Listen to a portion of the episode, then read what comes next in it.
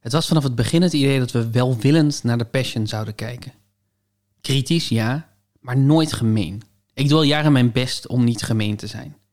En als ik dan eens gemeen ben, niemand is perfect, dan alleen in Zooms met vrienden. Wanneer ik roddel over collega's waar ik diep van binnen jaloers op ben. Niet in een podcast, niet op het internet.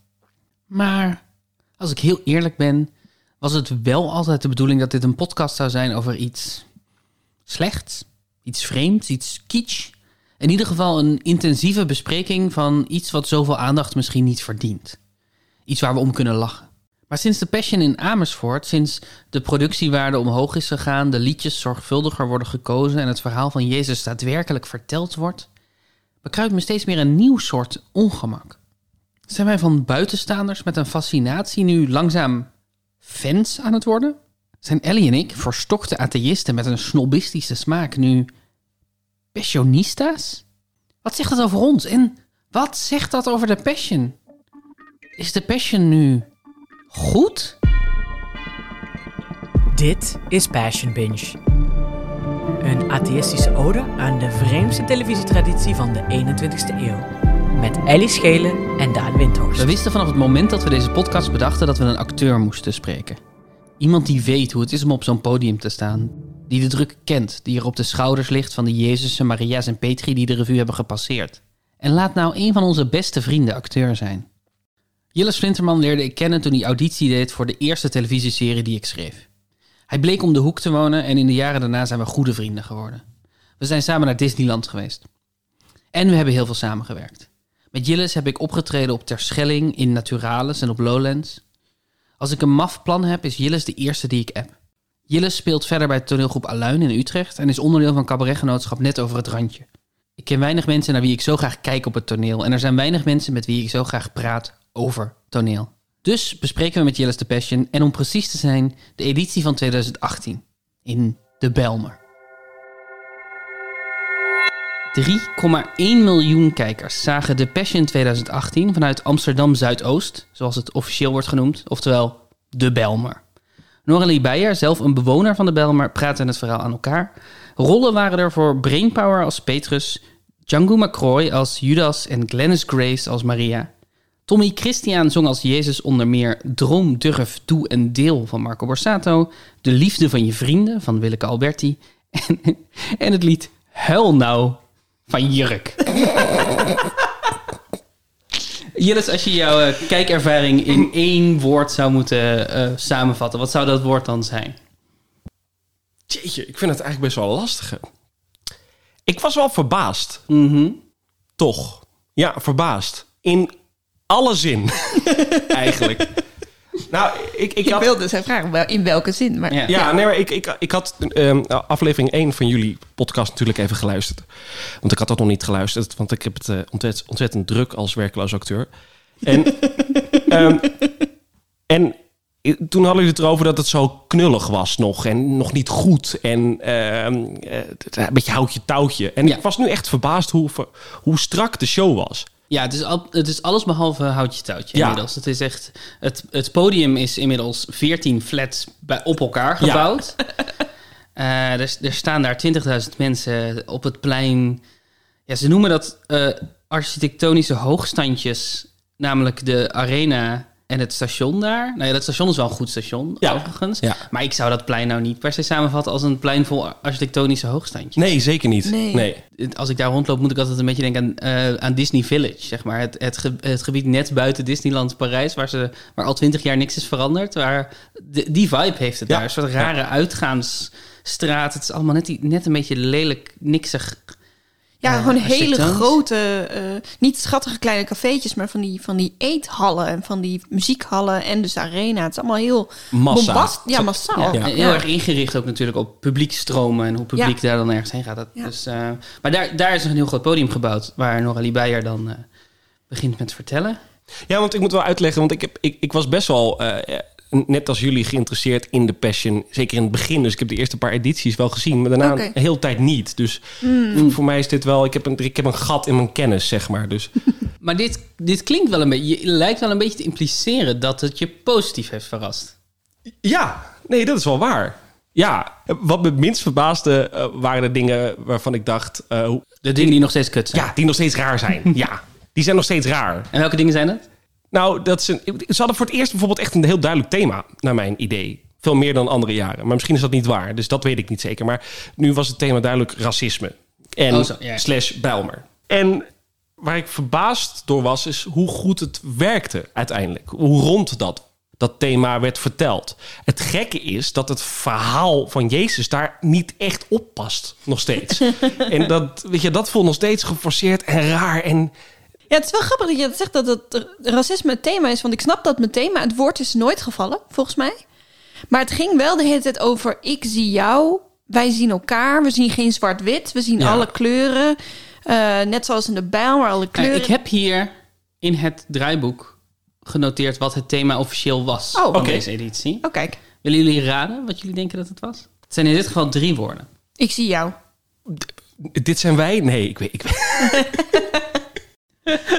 Ik, dit is inderdaad, ik zie jou. Ellie had het gewoon helemaal meteen goed. Ik dacht, ik dacht, ik ga dit vragen en dan gaan jullie allebei zeggen, nou ja, eh, nee hoor, dat heb ik er helemaal niet in gezien. Maar jullie hebben dit allebei wel terug zien komen dus. Eh Noralie Beyer komt er meerdere keren op terug. Op het begin en aan het eind. En het is het reprise nummer. Wat wordt gezongen door Jezus naar een zieke vrouw. Daar gaan we het nog uitgebreid over hebben. ja. En, eh, Ja, het is een nummer de- van Claudia de Brij. Ja, en, en de zieke vrouw zingt het naar Jezus later. Ja. ja. Over dat het tegelijkertijd eigenlijk dit het verhaal vertelt van Jezus en het verhaal van de Belmer. Laten we een, een stukje luisteren naar de opening van eh eh Noralie B. Goedenavond. Het is Witte Donderdag. Drie dagen voor Pasen. Welkom in Amsterdam, in de Bijlmer. De wijk die ook bekend staat als Amsterdam Start-Oost. Die 50 jaar geleden uit de grond is gestampt. En vanavond het decor is voor de Passion. We staan in het Arenapark tussen architectonische hoogstandjes, de Amsterdam Arena, trein- en metrostation, Amsterdam Bijlmer Arena en iets verderop de roemruchte Honingenraadflats van de Bijlmer. Te midden ook van 85.000 inwoners met ongeveer 150 nationaliteiten. Als we het hebben over multicultureel Nederland, dan is de Bijlmer de spiegel daarvan. En op de plek die vroeger eigendom was van rijken die betrokken waren bij slavenhandel, wonen nu nazaten van mensen die als slaaf verhandeld werden. En deze bejubelde en in het verleden verguisde wijk staat vanavond model voor Jeruzalem. De stad waar Jezus Christus zijn laatste avondmaal deelde en zijn gang naar het kruis maakte. Het verhaal is al 2000 jaar oud, maar dat tot de dag van vandaag het iconische verhaal van lijden, opoffering, verlies, maar ook van redding, vergeving en opnieuw beginnen, van hoop tegen beter weten in. Ik voel mij vereerd dat ik u dit verhaal mag vertellen in deze bijzondere wijk in Amsterdam, die al 33 jaar mijn thuis is. Welkom bij de Passion 2018. Ik denk dat het gewoon veel moeilijker is dan je denkt dat het is om eh autocue voor te lezen als je op een podium staat met 20.000 mensen die toekijken. Want iedereen doet het slecht. Zeker. Nee, maar ik, ik kijk hier natuurlijk ook naar als acteur. Ja. Ik weet wel een beetje hoe het voelt om daar te staan. Ja. Niet helemaal. Ik heb niet zoiets groots gedaan, maar wel soortgelijke dingen. En ze is niet op haar gemak, maar dat is logisch. Want dit, dit doe je voor het eerst voor, nou, Thuis zitten er 3 miljoen mensen. 3 miljoen? 3 miljoen. Holy shit. Je, je wil het vooral volgens mij niet fout doen. Ja. Ja. En dat is eigenlijk geen goede manier om op het podium te staan. maar daardoor, daardoor gaat het juist fout. De Bijlmermeer moest begin jaren 60 de woningnood van Amsterdam oplossen. Op de tekentafel ontstond de stad van de toekomst, waar de mens in hoogbouwflats in het groen gelukkig kon leven. Maar zoals vaak was de praktijk weer barstiger. Veel mensen die gezwicht waren voor de mooie beloftes, vertrokken weer even snel als ze gekomen waren naar elders. Waar je bijvoorbeeld wel je auto voor de deur kon parkeren en je niet bang hoefde te zijn dat er achter elke pilaar in de binnenstraat een overvaller kon staan. Laat ik nou net in die tijd woningzoekende zijn geweest. En ik werd naar de Bijlmer verwezen. Door de leegstand kreeg ik hier vrijwel direct een woning. De wijk was toen al veelkleurig. De hele wereld bijeen en dat in Amsterdam, in Nederland. Ik ben er trots op dat hier mensen uit alle windstreken naast elkaar met elkaar leven. Verspreid over de wijk zijn er 150 kerkgenootschappen. En vooralsnog ook de grootste moskee van Amsterdam. Moet je je dus voorstellen dat je... Stel dat er nog iemand is die het verhaal van Jezus nog niet kent. Ja. En die denkt, oh, er komt vanavond een musical op televisie over het verhaal van Jezus. En je zet het aan en je gaat kijken. En de eerste vijf minuten van die uitzending gaan helemaal over A, de Belmer... en B, de studententijd van Noralie Beijer. Dit is toch een heel rare manier om je verhaal te beginnen? Nee, dit is waar inderdaad. Ze, ze noemt het eigenlijk nauwelijks, hè? Ja, ze, zegt, niet. ze zegt ergens, het is dus het verhaal van Jezus, dit wordt Jeruzalem. Oh verhaal van ja. hoop, zoiets. Ja, ja. En dan is het gewoon de Belmer. Wat, wat, wat, ik, wat ik wel leuk vind hoor, dat de identiteit van degene die het vertelt wordt gekoppeld aan waar het, waar het is. En het is heel goed dat ze haar daarvoor gevonden hebben. Ik bedoel, er zit altijd wel het stukje in over waar, Waar zijn we? Waar zijn we? Ja. Maar dit voelt wel en langer, maar ook oprechter of eerlijker. Dit is, gaat echt even over de Belmer en wat de Belmer is en waarom de Belmer belangrijk is. Ja, het, het is vreemd, maar misschien... Want hebben jullie het al gehad over de titelverklaring? Waarom heet, de, heet het The Passion? Oeh, Nee, goede nee. vraag. Want ik, ik denk dat het daarover gaat namelijk. Passion betekent, of passio in het Latijn betekent het lijden. Ja. Ja. Dus het betekent niet passie, maar het betekent lijden. En dat is het hoofdthema. Dus ze willen, of het nou past bij het verhaal van Jezus... ze willen gewoon beginnen Met lijden. met lijden. en dan liefst zo er de, er de meest verschrikkelijke dingen die er gebeurd zijn. Ja. Daar. Ja, dat doen ze iedere keer wel. Dus het is Ja. iedere keer wel het grote trauma van de stad. Hier is de Bijlmer natuurlijk, of de Bijlmerramp. De Bijlmerramp, ja. Echt een groot onderdeel. Er, zit, er zijn twee of drie momenten in deze uitzending waarin mensen eh, Bijbel moeten zeggen en Belmer zeggen of andersom. Ja, Norrelie. Norrelie zegt dat, eh, dat er in de Bijlmer gezegd wordt dat Jezus niet wit of zwart is. Ja, klopt. Ja, ja, dat is, een hele mooie verspreking. Ja. En daarna is hij Bert, nog een eh, keer... Bert, ik wil Bert Visser zeggen, maar Bert, Bert van Leeuwen, Bert van Leeuwen doet het ook nog een keer. ja, Het is denk ik een heel voor de hand liggende verspreking om te maken. Maar hij is, Ja. wel, hij is wel heel grappig. ik heb opgeschreven bij deze performance al meteen van Noralie. Ik ben echt groot fan van Noralie. Ja, ik ook. Maar ik vind dat ze... Ze lijkt inderdaad onder ons extreem veel druk te staan. Terwijl als nieuwspresentator ben je natuurlijk ook gewend om teksten die je nog nooit hebt gelezen in één keer goed te moeten doen.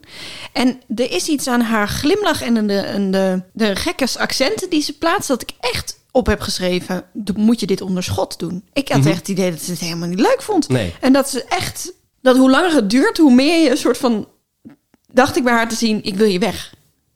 Oh ja. Maar jij hebt dat wel, jij hebt dit als een echt een oprecht verhaal over zichzelf gehoord. ik vind het nu ik, het alleen, alle- nu ik alleen de audio hoor, vind ik het meevallen. Maar Ja. toen ik het zag, kreeg ik dat ook. Dat heel erg dat gevoel, oh, ik wil hier eigenlijk niet naar kijken. En ik, vind, ik word hier best wel ongemakkelijk van. Terwijl ik haar tof vind. En ik, Ja. ik zie ook wel dat ze het wil, maar ze komt er niet. Nee, En dat is ook een, echt een, een naar iets om te zien. Zeker ook als acteur. Dat je ja. eh, dat gevoel krijgt.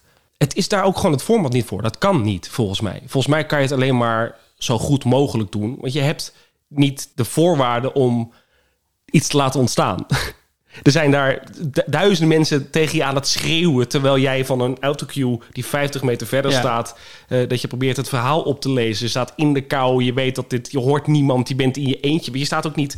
Wij horen natuurlijk haar stem, maar ze praat eigenlijk met, tegen niemand. Nee, Ja. Ze speelt het ook niet op het publiek. Ze is Nee. heel duidelijk Ja. televisiepresentator aan het doen. Ik kreeg niet het idee dat ze er niet wilde staan. Ik vind het wel interessant om dat van jullie te horen. Maar het is wel heel duidelijk dat dit niet is waar zij goed in is. Ja, het het was ook alsof iemand tegen een nieuwslezer zegt: verbind je er nu eens persoonlijk aan. En dat iemand anders tekst heeft geschreven over: jij woont hier, dit is belangrijk voor jou. Ja. En dat, dat ze dat dan een soort van wel de taal heeft om te zeggen: dit is mijn thuis en ik voel me hier, maar dat helemaal niet uitstraalt. Nou moet ik wel zeggen, wij hebben natuurlijk... Ik had hier van tevoren niet over nagedacht, maar wij hebben best wel veel theater gemaakt met nieuwslezers. Ja, Omdat wij, Klopt. jij speelde in de voorstelling Het Torentje, Ja. dat hebben we op Oerol gedaan, eh, met elkaar een week lang, drie voorstellingen per dag. En daar was iedere dag een andere nieuwslezer te gast.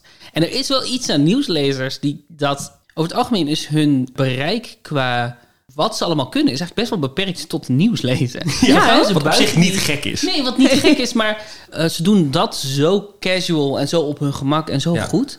Dat het bijna vreemd is om opeens te zien dat ze in bepaalde dingen niet goed zijn. Of dat ze van Ja. bepaalde dingen ongemakkelijk worden. Of Ja. dat ze bepaalde. Ja, het is, een heel, het is een heel specifieke vorm van performen. Nadat we Noralie's opening speech hebben gehad, gaan we naar wat volgens mij een eh, primeur is in de Passion. Namelijk zingende discipelen. Ja, inderdaad. Verschillende discipelen, Oh, weer vrouwen en mannen? Ja, die eh, elkaar afwisselen in, eh, in zang. Wil je daar een stukje van horen? heel graag. Sluit je ogen een seconde. zet een lach op je Zeg bedankt tegen het leven voor de liefde en het licht. Doe een wens voor iemand anders, lijkt het nog zo klein en stil. Elke golf begint als rimpel, maar maakt altijd een verschil.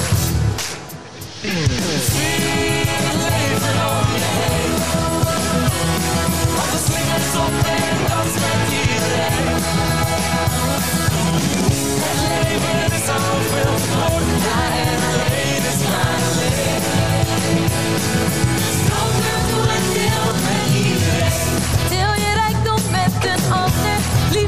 Ja, lekker.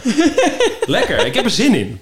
Nou, dat, ja, dat is absoluut waar ze voor zijn gegaan. Toch? Maar ik heb er zin in. Ik, moest, ik, ik weet niet waarom ik de- zoveel aan Disneyland moet denken vandaag. Maar ik moest denken aan de parade muziek in Disneyland. Ja. Een soort Oh, van, ja. Ja. een Ja. soort net iets te pompende, net iets te vrolijke. We hebben er allemaal zin in. Maar dat is wel goed, want je weet dat het slecht afloopt. Dus dat die, die weet je wel, dit is Ja, toch ja, wel de Ja. Jezusbeweging vol met hoop. En we gaan de toekomst in en we hebben er zin in. Zelfs Judas zingt mee, weet je wel. Dus, Ja, ja. dus we, ik vind het eigenlijk juist heel goed werken. Weet je van wie dit nummer is? Nee, geen idee. Is dit Willem Alberti? Dit is, nee, nee, nee. Dit is, dit is Marco Borsato. Echt waar? Oh. Oh. Dit is, zeg maar, ik denk wel dat we definitief bij de B-sides van Marco aan zijn gekomen. Ja. Maar ik, ja, ik, ik snap wel wat je zegt over de energie. Je hebt gelijk, er zit heel veel energie in. Dat is heel erg leuk. Ja, ik vond het ook heel verfrissend om te zien dat hier... dat het begint met een witte vrouwelijke discipel zingt... dan een zwarte vrouwelijke... Ik dacht echt, zo wat verfrissend. Even een andere, Ik, ik, ander heb daar beeld. trouwens een- ik, ik, ik, heb, ik heb even op de Wikipedia gekeken. Mhm. Maar ze hebben dus voor het eerst niet gekozen voor een vaste koor. Maar ze hebben eh, audities gedaan in de wijk. Ja. Oh ja. En daaruit mensen gehaald. Wat ik ontzettend tof vind. Ja. Dat is heel En- tof, ja. ja, ik vond ook dat koor, dat swingde wel echt de pan uit, zeg maar. Dat is, ook, dat, is, eh, dat is ook makkelijk te doen met de Belmer, omdat het natuurlijk zoveel kerkgenootschappen heeft. Ja, dus Die- daar kunnen heel veel mensen heel goed zingen. Precies. Ja. Sluit je ogen een seconde, zet een lach op je gezicht. Zeg bedankt tegen het leven, voor de liefde en het licht. Doe een wens voor iemand anders, al lijkt het nog zo klein en stil. Elke golf begint als rimpel, maar maakt altijd een verschil. Ja, als je het zo zegt, dan is het natuurlijk verschrikkelijk. Wat ik ook verschrikkelijk vond hieraan. Ik geloof dat ik de, de, negatieve ga worden hier eh, vandaag. Maar is, is hoe ongelooflijk duidelijk dit een soort P- PR is, denk ik, mede betaald of in ieder geval mede mogelijk gemaakt door. Heet dat de Adamtoren waar ze zijn? Ja. Waar dit begint? Oh, Ja. is dat dat, ja. Dus het Ja. begint met mensen op die schommel daar. Die, die schommels die je voor eeuwig op, eh, op social media hebt gezien. Dit is een schommel die dan uitkijkt over heel Amsterdam. En dat is een doodeng Ja, die om te boven doen. die rand, Die eh, boven die rand hangt. ja. En daarna stappen ze met z'n allen in een lift. En dan zien we voor, denk ik, wat voelt als in ieder geval een hele minuut. Ja. Zien we alle discipelen vrolijk kijken naar alle lichtjes in deze bijzondere Ja, lift. ja, ja, ja, dat is heel gênant. Ja. Oh man. En ik weet ook niet of ik per se tegen die lift ben. Maar het is gewoon, die lift is zo duidelijk voor toeristen gemaakt, weet je wel. Dus, Volgens mij was dit ding net open, daar lijkt het op. Ja. En eh, dat ze dat even moesten laten zien. Je reduceert Jezus ook tot toerist op Ja. een bepaalde manier. Je zegt van, oh, lichtjes! Ja. Kom, Jezus, je bent beter dan dat. Ja, ik, ik had ook bij deze heel erg dat ik weer voelde... oh, de, de disconnect tussen wat daar in die wijk op dat moment gebeurt... op dat plein... en de makers die de hele tijd bezig zijn, maar voor het beeld. Ja, ze beginnen ook niet in de Bijlmer. Ze hadden gewoon alles in de Bijlmer kunnen schieten sowieso. Ja. Maar ze beginnen expres Ja. in, in Amsterdam-Noord... in een hele dure, de oude Shell-toren... die helemaal verbouwd is, super nieuw is. Ja. Dat, is dat, voelt, dat voelde wel heel vreemd. Ja, dat is, Ja. dat is wel waar. Je, het begint met ongeveer 10 minuten over de Bijlmer... en waarom de Bijlmer zo bijzonder en zo belangrijk is. En dan gaan we naar Amsterdam Noord. Hup, hier, Ja. Ja, en maar sowieso bijna al die shots van Jezus... die met zijn discipelen door de stad loopt... is allemaal s- Amsterdam Centrum, toch? Ja, hij, ja, hij moet natuurlijk ook een route afleggen. Ik bedoel... Ja, maar dat had hij ook best door de Bijbel heen kunnen doen. De, zeg maar de, Bijl, de, de Bijlmer, de Bijbel. De- Nee, nee, maar volgens mij, dat is, dat is een beetje het probleem. Ze gaan natuurlijk altijd voor effect. ja. En ze hadden, volgens mij heb je een veel beter verhaal... als je alles in die Bijlmer schiet dan ook. En alles probeert daar te doen. Maar ze zeggen toch... Amsterdam Zuidoost is Jeruzalem. Ja. Dus ze zijn blijkbaar in een dorp naast Jeruzalem. Nou, maar dat klopt, dat ja, klopt op zich is dat wel. Ja, goed. Jezus zegt op een gegeven moment... ik moet naar Jeruzalem en daar ga ik sterven. Dat is waar. En, ja. en in de vorige edities was Ja. het iedere keer zo dat ze zeiden... Enschede is Jeruzalem. En dan zagen we Jezus Enschede binnenkomen. Ja, en dan zeiden ze, En Jezus zei- komt net aan in Enschede. Precies. En dan zei Jezus na 10 minuten in Enschede slash Jeruzalem te zijn... zei hij, ik moet naar Jeruzalem. Dan dacht je, wat Dus het, is, het, het zit gewoon waterdicht. Het zit gewoon het dramaturgisch waterdicht. Maar over die disconnect, Bert van Leeuwen is deze keer onze eh, verslaggever Ja. Ja. bij de processie. Eigenlijk is volgens mij wat er bij die processie gebeurt heel mooi. Je hoort de hele tijd dat die mensen samen zingen. Ja. Ja. Maar ik wil heel even stilstaan bij de start van de processie. Ze gaan voor het eerst naar Bert van Leeuwen schakelen ze. En die staat daar met een aantal mensen die het kruis op hun schouder dragen en stilstaan nog. En Ja. zo echt wachten op het moment van wanneer beginnen we. Dus ik dacht, oh, wat mooi. Ze hebben er even een moment van gemaakt. De start, weet je wel. Maar de start is dat Bert van Leeuwen een, een tijdje zegt... ja, we gaan niet zo vertrekken, we gaan niet zo vertrekken. En eh, je kunt ook virtueel meelopen. En dan leest hij een tweet voor. En dat is de start. Dus hij, zeg maar, de start van het lopen is dat Bert begint met voorlezen van mensen die virtueel meelopen. Dus helemaal niet, dat bedoel ik met die disconnect, dat ik zo denk, kijk elkaar aan of een soort van ja of een Ja. iets van een nee. Het, ze hebben daar te horen gekregen, wanneer moeten we dan beginnen? Wanneer moeten we dan beginnen? Nou, Bert geeft dan een seintje. En die begint gewoon met lopen en die doet een soort van kom mee of zo. Als je er toch, waar we het al vaker over hebben gehad, als je hier echt een herdenking van wil maken met of een traditie, dan mag de start van de processie, wat mij betreft, ook eh, een mooi moment zijn. Maar dat dat dus dan met die iPad, nou, ik vond het gewoon zo knullig. Ja, Het is heel raar. Maar, maar dat is volgens mij het probleem überhaupt van de Passion. Ze willen zoveel controle hebben over alles... dat het naar wordt om naar te kijken. Ik vind eigenlijk een vorm als het juist wat slordiger gaat. Als, als, er wat, als, het, als je ziet van dit is een, een show die iedereen daar maakt... Ja. En er gaan dingen fout en dat is niet erg. Dan, dan volgens mij kan je daar veel mooiere dingen laten zien. Dit is allemaal gewoon hey, strak geregisseerd en het moet gaan zoals Ja. ze hebben. Ze hebben het heel erg willen inkaderen van tevoren en zijn zo bezig met wat komt er op tv en dit moet interessant blijven voor tv.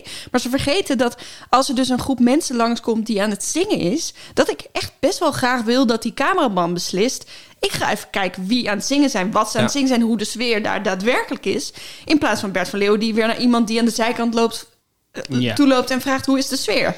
Ik denk wel dat dat, dat dat moeilijk is in een format als dit. Er is zo weinig tijd om bij, bij die processie te zijn. En je kan gewoon niet... De boel do- dondert in elkaar als, als er in het draaiboek staat... we gaan even naar de processie en ze zijn niet aan het zingen... en er is niks interessants om in beeld te brengen. Ja. Ik bedoel, we Ja, hebben, en dat is ja. iets later volgens mij... hebben we een moment dat Bert dan dat wel iemand in het publiek... gewoon willekeurig iemand aanspreekt. Die persoon heeft gewoon niks te zeggen. Waarom doe je mee? Ik doe mee omdat, omdat ik het zo bijzonder vind dat het in de Belmer is. Oké, eh, en dan weet hij niet meer. En dan komt hij met de eeuwige, de, de killing, de verschrikkelijkste vraag die je kan stellen. Hoe is de sfeer? Ja. fucking, hoe is de Ja. s- ah, mm. En zullen we ook even luisteren naar het gesprek wat Bert van Leeuwen heeft met een mevrouw die haar beide kin- eh, kinderen is verloren in de Bijlmerramp? Ja, Ja. en dit is bij, bij het... Ze beginnen bij het monument, toch? Bij Ja, het- ze, be- ja, ze beginnen bij de boom die alles heeft gezien. Ja, ik, dat vind Dat ik hebben zo ze- goed. Ja, dat vind ik zo'n mooie naam voor een, een herdenkingsmonument. De boom die alles zag. Toen ik dat hoorde, dacht ik... wauw, dat is het meest poëtische stukje passion... wat je, wat je de hele avond gaat horen. Is, we gaan nu even naar de boom die alles zag. Ja, Holy shit. Oké, ja. Rustig aan dan, IMG. mee. Mevrouw Truideman, Marlene, ik zeg gewoon Marlene. Hè. Wij hebben net even lopen praten. U woonde in de tijd van de Belmerramp, woonde u in de Belmer en u maakte iets verschrikkelijks mee. Wat gebeurde er? Nou, ik eh, heb de Bijlmerramp meegemaakt. eh 25 jaar geleden. En eh, toen het gebeurde, ja, waren mijn man en ik net een kwartiertje uit huis. En de kinderen waren in huis. Een jongen van bijna 17, Guillermo, en Graciela, 14 jaar. Ze zijn allebei omgekomen bij de Belmerramp. U heeft me net verteld, dan kom je in een inktzwarte periode terecht waar je eigenlijk niet eens meer wil leven. En toch, heel wonderlijk, is er op een gegeven moment een soort van omslagpunt gekomen. Welk moment was dat? Nou, ehm, de eerste dagen, maanden, jaren waren voor mij ink en inktzwart. Precies zoals, zoals het staat in Psalm 23. In het dal van diepe duisternis. Daar bevond ik mij. Maar kunt u mij vertellen, u, u heeft op een gegeven moment gezegd dat was een heel bijzonder moment. Kom Wat op. was dat moment? Bij de tijd. Op een gegeven moment ehm, zou het bijna moederdag zijn. En ik dacht heel sterk aan mijn kinderen. Ik dacht heel sterk aan mijn kinderen. En op een gegeven moment keek ik naar mezelf in de spiegel. Want ik was in de badkamer en ik keek naar mezelf in de spiegel. En ik had zoiets van, zo wil ik niet verder gaan. Ik ga roepen naar God om mij te helpen. En daar is die omslag gekomen. Wat, wat geeft u de kracht? Wat geeft mij de kracht is eh, de herinneringen aan de kinderen sowieso. Dat neemt niemand me af. Maar ook mijn geloof in God. Want als je begrijpt, in het begin was ik heel erg teleurgesteld in God. Maar toen die omslag er was, had ik zoiets van... alleen God kan mij helpen in deze om weer te gaan leven. Want ik leefde niet meer. U straalt het uit. Ik wil u ontzettend bedanken. Dank en heel wel. fijn dat u erbij bent. Ja, graag gedaan. Dank u wel. Ja, het is, het is echt een heel hartverscheurend verhaal. Echt verschrikkelijk, ja. Echt verschrikkelijk. Ik vind het heel mooi ook dat ze, de, dat ze op zich wel de ruimte krijgt om dat te doen. Maar ik voel ook weer hier de disconnect. Omdat zij begint over een psalm. En je ziet hem gewoon denken... Ho, ho, ho, ho, we gaan niet met z'n psalmen Ja. strooien Nee, bij je moet even God noemen. Noem God even. Ja, nee, Laat even of- zijn boek zien. Je moet, je moet het even... Het moet toegankelijk blijven. We gaan niet... eh, Oh, denk je dat dat het dat is? denk ik, ja. Het voelde mij gewoon van, ehm, er is iets verschrikkelijks gebeurd en God heeft me eruit getrokken. Dat is eventjes heel kort het verhaal. Ja. Ja, En zij kwam maar niet bij dat punt. Hij, bedoel, je hoort dat hij haast heeft. ja. Ja. En dat is, dat is gewoon het verschrikkelijke aan dit format. Eigenlijk heb ik dit nog nooit goed horen gaan. Hoe oprechter het gesprek is wat ze proberen te hebben, hoe meest, meer awkward het wordt. Eigenlijk die disconnect waar jij het over hebt. ja.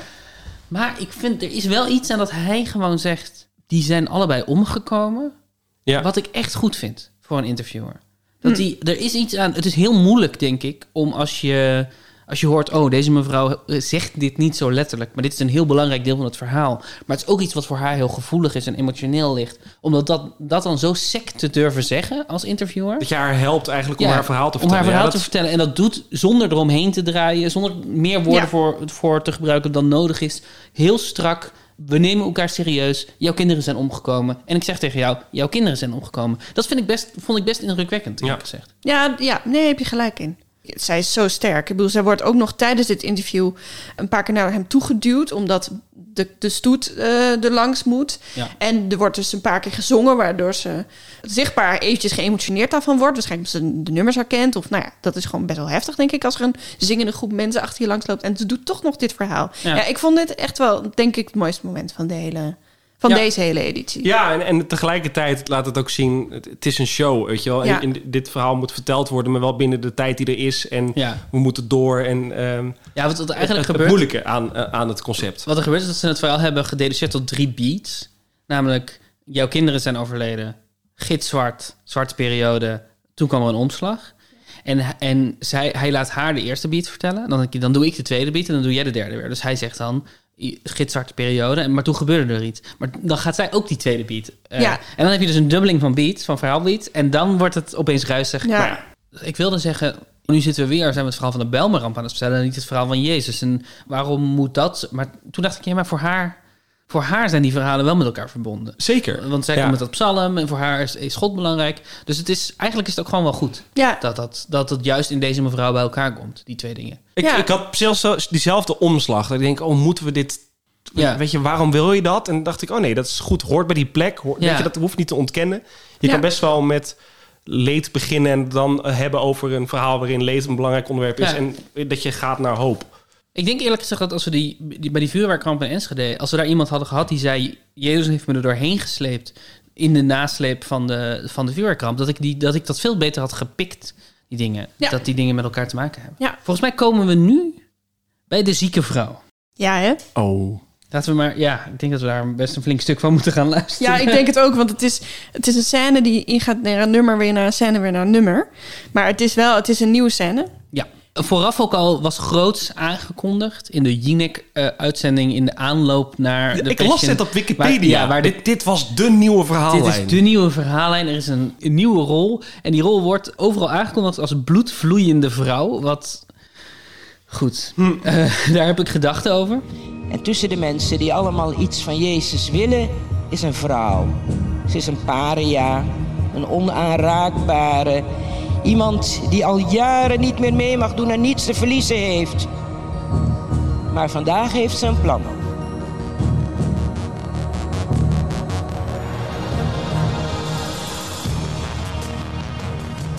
Vet dit. Ik had dit niet geregistreerd toen ik zat te kijken, deze synthesizer erin. Ja, nu loopt ze door de, bij de nest, denken we. Is dat? Yeah. De discipelen, Jezus en allemaal mensen.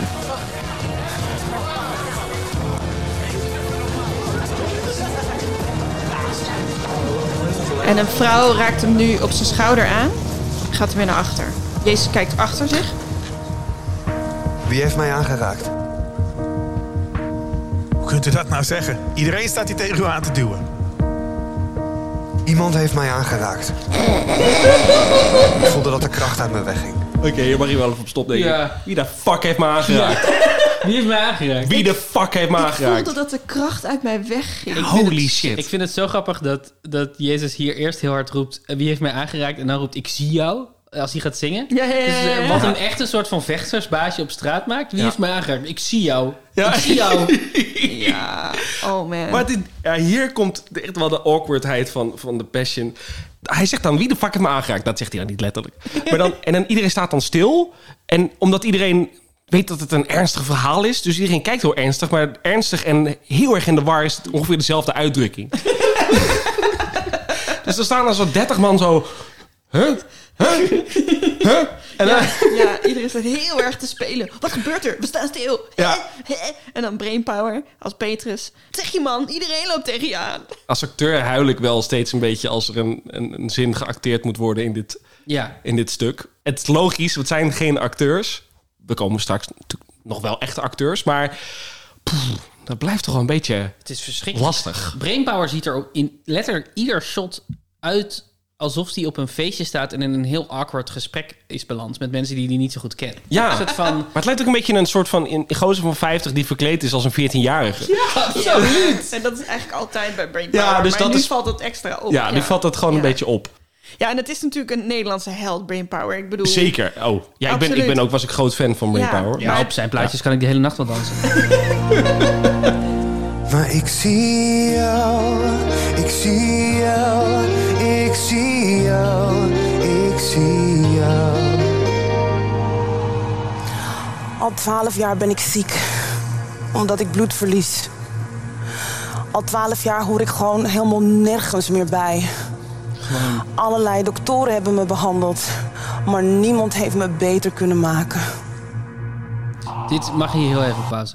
Dit- wat staat zij te doen? Ja. Geen spel. idee. Ja, ja, Ze is dit zo- dit is Graciela eh, Hunzel Rivero. Als je dan denkt, waar ken ik Graciela Hunzel Rivero van? Zij is een Surinaams-Spaanse zangeres uit de Belmer. eh, dochter van de diva van het Surinaamse levenslied, Annemarie Hunsel. En ze kan niet acteren. Nee, of nee. althans, misschien kan ze het wel, maar zij is het hier niet aan het doen. Nee, ze gaat straks zingen. Dat is echt gewoon, dat zijn twee totaal verschillende werelden. Zij is Ja. zo ongeloofwaardig en awkward en aan het overacten als Ja. ze acteert. En ze zingt ontzettend mooi. Ja. Maar, en, maar ook de, de, deze tekst is raar. Ik ben al, wat zegt ze nou? Ik ben al jaren ziek omdat ik bloed verlies. Ze is, want dat is het, ze is ongesteld. Ja, dat is het wel, hè? Dat is het. Is het gewoon een ongestelde vrouw? Ze is ongesteld. Alleen, ze is altijd ongesteld. Al twaalf jaar lang. En in de Bijbel, in het Oude Testament, volgens mij... eh, ben je dan onrein. En mogen mensen je niet aanraken. En moet je jezelf afzonderen. Maar omdat zij dus nooit niet ongesteld is... moet zij zich altijd afzonderen. Ja. Dat is het verhaal. En het is echt eigenlijk heel raar. Want Maar waarom... Van alle Jezus-verhalen. Ja, ik snap er ook helemaal niks van. Want het is ook nog iets, iets wat in de Bijbel staat wat niet mag. Dus het is... Want sowieso, er zit ook nog iets heel raars in dat iedereen raakt Jezus aan. Ja. Maar overigens heeft deze hele scène enorme corona-vibes natuurlijk. Wie Ja. heeft mij aangeraakt? Ja. soort Ellie in de supermarkt. Ehm, maar er zit ook nog de zin in dat hij dan zegt... ik verloor een stukje van mijn kracht. Ja. Ja, die, die Alsof maakt die het... fucking Vision is. Of, of een Ja, soort nee, maar dat- superheld ik- die... dit is mijn verklaring. Volgens mij hebben ze tegen elkaar gezegd... Jezus moet even een wonder verrichten. Jezus verricht toch wonderen? En in alle eerdere passions heeft hij nooit een wonder verricht. Maar er zijn wel andere voorbeelden te bedenken die niet in ieder geval dit verhaal zijn. Uh, hij wekt ook iemand uit de dood, bijvoorbeeld. Eh, Ja. maar ik, ik ben gewoon heel benieuwd waarom het dit... En waarom is ook... Het is een ongestelde vrouw die hem aanraakt... en dan zegt hij dat, dat zijn kracht, hij zijn kracht verliest. Wat ik al eh, een beetje een Ja, is echt gek verhaal vind. Ja. Want daarmee geef je dus toe... oh, eh, oké, ik ben beter dan, dan jullie... en ik voel me altijd heel krachtig. En als een ongestelde vrouw mij aanraakt... dan ben ik minder krachtig. Ja, Dat is toch een heftig iets om te zeggen. Het is, het is heel raar. Dus het is naar het nu gehaald. Al die teksten, alle teksten zijn eigenlijk verschrikkelijk. Maar het is hier ook nog zo heel raar naar het nu gehaald. Heel uitleggerig. Zij, zij, eigenlijk doet ze even de karakterbio die ze dan Ja. zegt. Ik ben, ik ben al twaalf jaar ziek en niemand wil me aanraken. En, ehm, maar niet zo uitleggerig dat ze zegt ik ben ongesteld. nee, dat Nee. dan weer niet. Dat, want dat, dan on- denkt iedereen, sorry, maar Ja, waar gaat deze scène over? Zij heeft dus net tegen Jezus gezegd... Ik heb een heel zwaar leven. Het, het is heel erg allemaal. Ja, en ook mensen deinzen weg, hè, als ze dat Ja. hebben Ja. gezegd. En dan moet je luisteren naar het eerste wat hij gaat zingen als hij dit verhaal heeft gehoord. Dus hij weet, zij is ziek. Zij is... Een eh, paria. Een paria. Zij, eh, eh, ja, ze is verstoten. eh, en hij wil haar het gevoel geven dat ze er mag zijn of dat hij daar ziet. En het eerste wat hij zingt nu die haar verhaal weet. Je denkt dat je niet mooi bent. En verstoord. Je denkt dat je niet mooi bent. Wow. Wow, ja, het is Ja. niet... Je denkt dat je niet mooi bent. Het wordt geen vrouwvriendelijk verhaal, hè? Iemand die ongesteld is, die je niet mag aanraken, die denkt dat ze En niet... dan, dan- oh nee, ik begrijp het. Jij denkt dat je lelijk bent, Ja. maar ik zie jou en daarom mag je er zijn. Wat sowieso, het helpt dat dit een tekst is van Claudia de Brij, waardoor het gewoon fundamenteel niet toxic masculinity kan zijn, omdat Claudia de Brij niet, een, niet masculine is. Maar het is, het hele ding is van dit lied is dat iemand hey, jij hebt geen eigenwaarde, maar ik zie jou en dat maakt dat je toch eigenwaarde hebt. Dat, het, het zet ook Jezus gewoon in een heel raar fucking perspectief. Ja. Ik zie jou. Ik dacht hier, zie jou. autotune? Ik zie Dus zo klonk het wel, hè? Het is donker om me heen en ik knijp mijn ogen dicht. Zo kun je zelf niet zien dat ik alles verlicht. Oh, Ja. dat, want Oh man. de oorspronkelijke tekst hier is: Het is donker om je heen. Dus dit is Claudia de Brij die naar iemand zingt. Het is donker om je heen. dat is een belangrijke context. Eh, het is donker om je heen en je knijpt je ogen dicht. Zo kun je zelf niet zien dat jij alles verlicht. Oh. En Jezus heeft daarvan gemaakt dat ik alles verlicht. Ja, ik schreef hier ook weer op. Wow, de arrogantie van Jezus is gewoon weer helemaal, helemaal terug. Ja. Ja. Zeker nu ik weet dat ze dus de songtekst hebben aangepast. Maar het was zo makkelijk eh, op te lossen. Als stel dat zij had gezongen: Het is donker om me heen, ik knijp mijn ogen dicht. En dat Jezus dan zingt: Zo kun je jezelf niet zien. En dat zij dan weer zingt: Dat jij alles verlicht. Ja. Dan heb je de tekst, laat je zoals hij is. Dan heb je inderdaad het feit: Jezus verlicht alles. Want ik snap best dat je dat wil zeggen als je de EO bent. Ja. Dat is je punt. Jezus verlicht alles, prima. Maar dat hij het zelf zegt, is, maakt het zo lelijk. Zie me nu staan. Mijn blik is naar de grond gericht. Ik durf het nog niet aan. Ik wil graag stralen in jouw licht. Je waant jezelf alleen, loopt bijna ongezien voorbij. Kijk omhoog, kijk om je heen. En kijk alsjeblieft naar mij. Ja, precies. Is dit... Ja. Kijk alsjeblieft naar mij. Ah, toe, kijk nou naar me. Alsjeblieft, Ze, is- ze moeten het ook allemaal spelen. Hè? Dus ze Ja. moeten net om zich heen kijken, naar de grond kijken, omhoog. Ja. Elke keer als Ja. hij dat zingt, doet ze het allemaal. Ja. want hij ziet haar. Ja, maar wat kan ze goed zingen? hè? Ik vond het sowieso al heel goed gezongen. Het helpt wel enorm dat ze dus de eerste versies die jij dus hebt gezien, en waar wij ook begonnen met kijken, hebben ze heel vaak nog, zelfs als, als dingen niet live waren, dat ze overduidelijk setgeluid gebruikten. Dus dan, dan zong Frank Lammers het in een steeg en dan hadden we het geluid van Frank Lammers in een steeg. Ah, en ja, ja. hier heb ik wel het sterke vermoeden dat we, dat hebben we ook al een paar keer uitgesproken, het sterke vermoeden dat we heel vaak naar studiogeluid zitten te luisteren. Gewoon, Ja. hij, hij staat daar te playbacken wat hij in een studio heeft ingezongen, Oh, wat helemaal. Ja, maar volgens het mij is helemaal- zo goed Ja, het is soms, heel netjes denk, en mooi. oh, hoe kan dat? Ja. Ik de- denk dat dat is wat Ja, er zijn ook weer scènes dat ik zag dat zijn mond echt niet Klopt. sync liep met wat, Ja. eh, wat we hoorden. Heel even het einde van deze Zeker, scène, want die is ook eh, vrij wonderlijk. Ik had over u gehoord, Jezus, en ik dacht... Jezus. Om beter te worden, hoef ik alleen kleren aan te raken. Ik weet dat ik niemand aan mag raken, omdat ik bloed verlies. Maar ik raakte u toch aan. En dat bloed is gestopt. Je kunt gerust zijn. Je ziekte is weg. Je bent beter geworden dankzij je geloof. Je bent beter geworden dankzij je geloof. Eh Jillis, je bent acteur. Ja.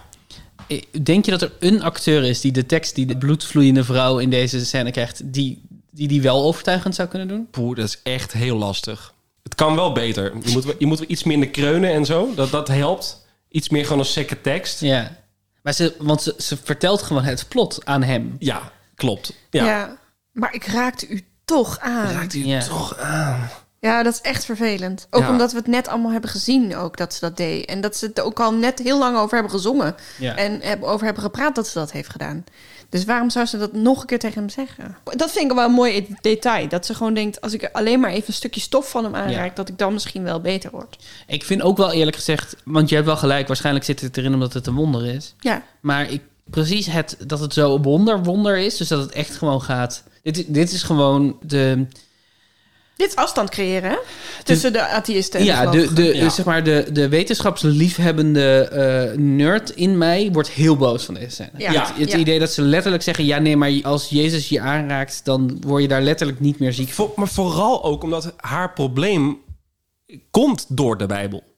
Tenminste, het staat in de Bijbel dat zij onrein is en Ja, dat, ze ja, niet, ja. eh, dat niemand haar mag aanraken. Dat staat in de Bijbel. Dus dat maakt het, vind ik, nog raarder. Ja, maar- Ja, ja, ja. Dat Ja. haar, het hele probleem, weet je wel, waarom ze niet aangeraakt mag worden, is door dezelfde persoon eigenlijk Ja. veroorzaakt. Bijna. Ja, zeg maar, ze heeft geen corona. Het probleem is dat ze altijd ongesteld is. Wat iets is waar je prima mee zou kunnen leven. Maar waarom Ja. het voor haar, bedoel, denk ik. Nou, ik, het lijkt me wel echt heel vervelend. Het lijkt mij maar- niet fijn, maar ik weet daar het fijne niet van. Ik weet het fijne ervan, het lijkt mij niet. Nee, het is niet fijn, maar het is eigenlijk niet echt een gigantisch probleem. Het wordt pas een probleem Ja, als, als, we in- als je nooit meer iemand mag aanraken omdat je het... Precies, waarom hadden ze niet dat stukje gedaan waarin die water in wijn verandert? Weet je, dat vindt iedereen tof. Ja, Eh, had je Hans Klok kunnen casten als Precies. Jezus. Precies. Mag een stukje van de, de viskraam Ja, dit keer, die dit keer een, eh, een food truck is geworden. Waar we Gerda Havertong als snackbarhouder zien. Zo, vijf rotiplaten en twee bakkeljauw, alstublieft. Dank u wel. Eet u smakelijk hoor. Migaro, is het niet... eh, Mijn goede, naar Jezus? Ah, Mikado. Geef mij ook roti hoor en vis. Mijn god, het is je zoon. Ricardo betekent toch mijn god? Ja, volgens mij wel, ja. Ik, vond- ik moest hardop lachen toen ze eh, brood en vissen hadden vervangen met rotiplaten en bakkeljauw. Weet je dat ik daar niet aan dacht toen ik het keek? Nee? Je dacht gewoon, hij, hij doet gewoon boodschappen. Nou, het is natuurlijk ook een totaal ander moment in, in, het, in het verhaal Ja, van Jezus. ja. Dus, dus in dat opzicht, maar het is wel eigenlijk wel een leuke verwijzing. Want we hebben, tot nu toe hebben we Jezus inderdaad voor het eerst misschien wel echt een wonder zien verrichten.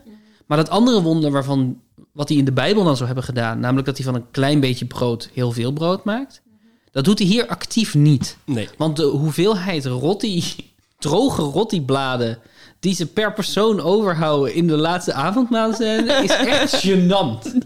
Iedereen zit er echt met, met een postzegeltje aan, aan rotti in zijn hand.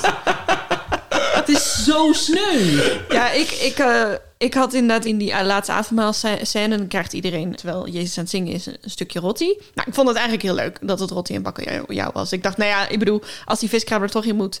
maak er dan Mhm. een bara-bus van, dat is het ook. Ja. Nou, top. Ja. Helemaal leuk. Maar op een gegeven moment keken we dan naar Judas. Die wordt vertolkt door Django McCroy. Die ook een stukje rotti krijgt... En dan heel moeilijk kijkt. Mhm. En Maar dat, lust geen rotti of... en Ja, dan zo echt ziet zo heel Ja. verdrietig dat kleine stukje rotti Mhm. eet. Terwijl hij zijn hoofd tegen het hoofd van Jezus aan duwt. En hij is veel langer dan Jezus. Hij is veel langer. En, het, en ik dacht echt, als je gewoon deze hele context van de Passion niet hebt, dan is dit zo'n raar moment. Zeg maar, het feit dat ze er natuurlijk rotti van hebben gemaakt en bakkeljauw is een heel goede manier om dit verhaal eh, diverser te maken. Of om, om in ieder geval de passion diverser te maken. Het verhaal is natuurlijk al best divers. Of het verhaal is best universeel, laat ik het zo zeggen. Eh, het verhaal is niet wit. Maar de passion is redelijk wit voor het gevoel. En nu proberen ze dat minder wit te maken. Mhm. Maar het feit dat er heel, heel weinig eten is bij het laatste avondmaal... Mm. is Ja. het witste fucking ooit. Dat is wel waar. dat is wel echt waar. Waar, ja. Zeggen, eh, Ja. jongens, we doen, een, we doen het laatste avondmaal. We gaan met z'n allen eten. Wordt Ja. leuk. Picknick. En dat iemand dan aankomt met vijf rottiplaten en twee bakkeljauw. Ja. Voor tenminste 13 mensen. Ink- En een bloedvloeiende vrouw, want die is er ook. Ja. Dat, is- dat is te weinig. En dan, en dan ook nog een tikkie stuurt iedereen. Ja, dat was ongetwijfeld. Ja, want ik, even, ik zie deze scène niet helemaal meer helder voor me. Dit is alleen maar dat brood eten Nee, eigenlijk. dit is, Of- eh, ja, of het is eh, op dat, het is al in de, ze zijn al in de Bijlmer, van in ieder geval zo ziet het eruit. Het is een soort binnenplein van ja, flats. Ja. En, en al die muren zijn in vrolijke... Het ziet er heel gezellig uit. Oh, al die muren Ja, zijn heel vrolijke Ja. kleuren geverfd. Ik denk dat het is waar Jezus de liefde van je vrienden zingt. Van Willeke Alberti. Met een soort I can feel it in the air tonight eh, beat eronder. Ja. Dit brood is mijn lichaam. Dus het zijn maar twee rottiplaten. Ik zal voor jullie sterven. haal daarom deze maaltijd om aan me te blijven denken. Ja, die, die drumcomputer, ja, die is vet. En deze wijn is mijn bloed. Als ik gedood word, zal mijn bloed vloeien. Maar daardoor zullen jullie gered worden. Ik vind de muziek dus best goed. Ja, ik vind dit ook een goede editie voor de muziek. Ik ben ook zo'n drumcomputer ertussen. Net van dat soort gekke keuzes. En, en dan lijkt de cello of een viool te zijn. Ja, we hebben ook edities gehad waarin het veel pompender was allemaal. Ja. Veel stuwender, gevaarlijkere muziek. En, oh, testosteron. Ja. En dat is er nu een beetje uit. Dat is wel goed. Wow. Het klinkt wel. Het is dezelfde drumcomputer sowieso. Ja. Toch precies hetzelfde geluid. Ja. In, in het begin hoor je een mondharmonica. Kan je dat nog herinneren? Zeker. En ik dacht, is dat nou een duidelijke verwijzing naar een soort van het idee wat mensen bij Amsterdam hebben? Uh, Toets Oh, Tielemans. ik Je hoort hem later ook nog. Ja. Maar hij staat een beetje zacht, dus af en toe alleen maar... Ja, en het is ook een flinke eh, rol voor een bepaalde bamboefluit deze keer. Ja, we openen dit keer met volgens mij voor het eerst best wel een paar eh, van die establishing shots van Amsterdam. Dus we Mm. zien mensen op de fiets en we zien. En, en dat is overduidelijk eerder ge- gedraaid. Ja. Ja. En dat in combinatie met de muziek daaronder. Het is echt alsof je naar de opening van de remake van Baantjes Ja. zit kijken. ja. En volgens mij hoor je ook Arabische thema's soms tussendoor. Dus zitten Ja. heel bewust van dat soort Ja. lagen in. Een soort jaren negentig multiculturele bezetting. Wat toen nog eh, wereldmuziek werd. Oh ja, heel goed. Ja.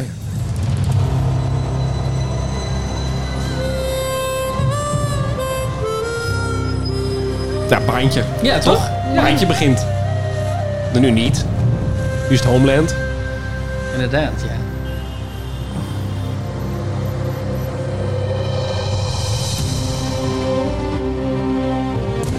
Ja, dit is eigenlijk gewoon de standaard passion muziek. Ik snap wat je bedoelt. Hij is net te zacht hoor. Dit is een beetje, Dit is een beetje eh break. een beetje drum and bass. Drum and bass, ja, eh, dat bedoel ik, ja. begin 2000. Oh, oké. Dan zien we Jezus zijn in we hier ineens. Ja. Het is wel een reis hoor. een Ja. avontuur. Judas. Maria. En Pilatus. Jilles, kan jij je nog herinneren hoe Pilatus er hierbij staat? Eerste shot van Pilatus. Eerste Ja, shot. ik kan me nog herinneren dat hij op zo'n balkonnetje staat. Had, Ja. Hier heeft hij niet zijn hond, hè? Dat is pas Ja, later. nee, zeker. Absoluut heeft hij hier zijn hond. Oh, heeft hij hier zijn hond al? Ja, het is echt zo'n ja, zo'n ja, zo'n ja, ja, James Bond villain is Ja. het. Ja. I expect you to die, Jesus Christ. Hij wordt gespeeld door Arjen And come back again. En ik vond dat... Die keuze voor die hond, ik snap er niks van. Nou, ik, ik weet, ik, ik heb Arjan Edeveen best wel, ben ben hem best vaak tegengekomen in de theaters. Mhm. En hij heeft een hond en die neemt hij altijd mee. Oh, oké. Dus naar, naar elk theater toe. Dus eh, volgens mij is het gewoon zo'n hond. Het is gewoon zijn hond. Die gewoon weg. Ja, en ze dachten gewoon, oh, dat is een leuke verwijzing naar alle evil Ja. mannen. Want hij heeft hem gewoon echt helemaal bij zijn gezicht vast, zeg maar. Hij is aan kusjes aan het geven ook. Het is, shot. heel, het is heel knap dat eigenlijk staat in dat shot Arjen Ederveen niks te doen. Het is gewoon, weet je wel, hij, hij staat daar met zijn hond op een balkon. Ja. En hij staat toch te smeren. Ja. Ja. Ja. Ik vind Arjan Edeveen wel een hele interessante keuze. En ook wel een... het wordt heel lastig voor Arjan Edeveen, vind ik, in dit eh, ding om er goed uit te komen. Mogen we een stukje, kunnen we een stukje Arjen Ederveen? Ja, zeker. Eh, de scène dan, hè? Ja. Ik heb dus juist bij die scène opgeschreven... dit is de eerste Pontius Pilatus die niet schreeuwt. Zeker. hij, hij pakt het echt heel anders aan dan Acteurs eh, die Pontius Pilatus hebben gespeeld, die voordoen, heb ik altijd het idee, die kijken naar Jessica Superstar, naar die Mm. Pontius. Die is heel emotioneel, die huilt ook. En volgens mij hebben een paar acteurs dat ook overgenomen. Dus die hebben echt gewoon letterlijk dat... Van een andere fictieve Pontius Pilatus hebben ze gewoon alles gepikt. En dat, Mm. dat, dat wordt een soort van kanon dan. Ja, ja, ja, ja, dat snap ik. Maar goed. En, en Arjen Ederveen, die, eh, ja, die houdt het heel klein. Is Ja. dat wat ik wil zeggen? En ik denk dat dat het probleem is. Zo. Daar is hij dan. Huh? De man. Het is toch meteen begint 30 minuten met Jezus, toch? De leiders van uw volk hebben u hier gebracht. En ze beschuldigen u. Ik heb gehoord dat u het volk in opstand brengt door te zeggen uh, dat ze geen belasting meer hoeven te betalen aan de keizer. Ja. En ik heb nog iets anders gehoord. Ik heb gehoord dat u zegt dat u de beloofde koning bent. Is dat zo? Huh? Bent u de koning van de Joden? U zegt het zelf.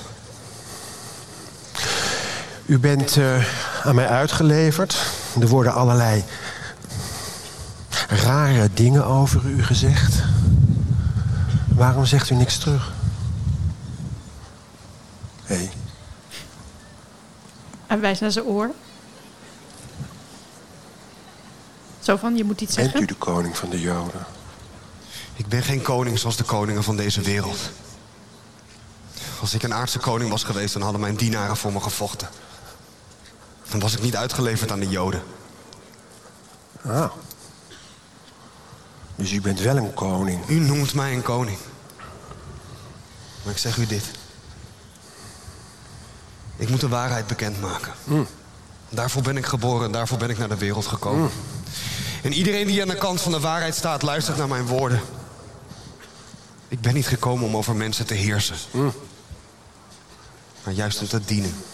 Ik heb wel oprecht duizend keer liever wat Arjen Ederveen doet... dan wat Tommy Christian hier doet. Ja, eens. Maar ik heb Arjan Ederveen hoger zitten. Ik bedoel, hij is echt een knijt goede acteur. Zijn kracht is, denk ik, personages maken. Want het zijn toch, het lijken typjes, maar ik vind het vaak toch personages die best groot zijn. Ja. Maar toch heel interessant en heel erg gelaagd. En hierbij, en dat is ook logisch, is het misschien regie geweest, maar ik denk ook Arjan zelf van hou het maar zo klein mogelijk. Ja. Want dan doe je al veel te veel.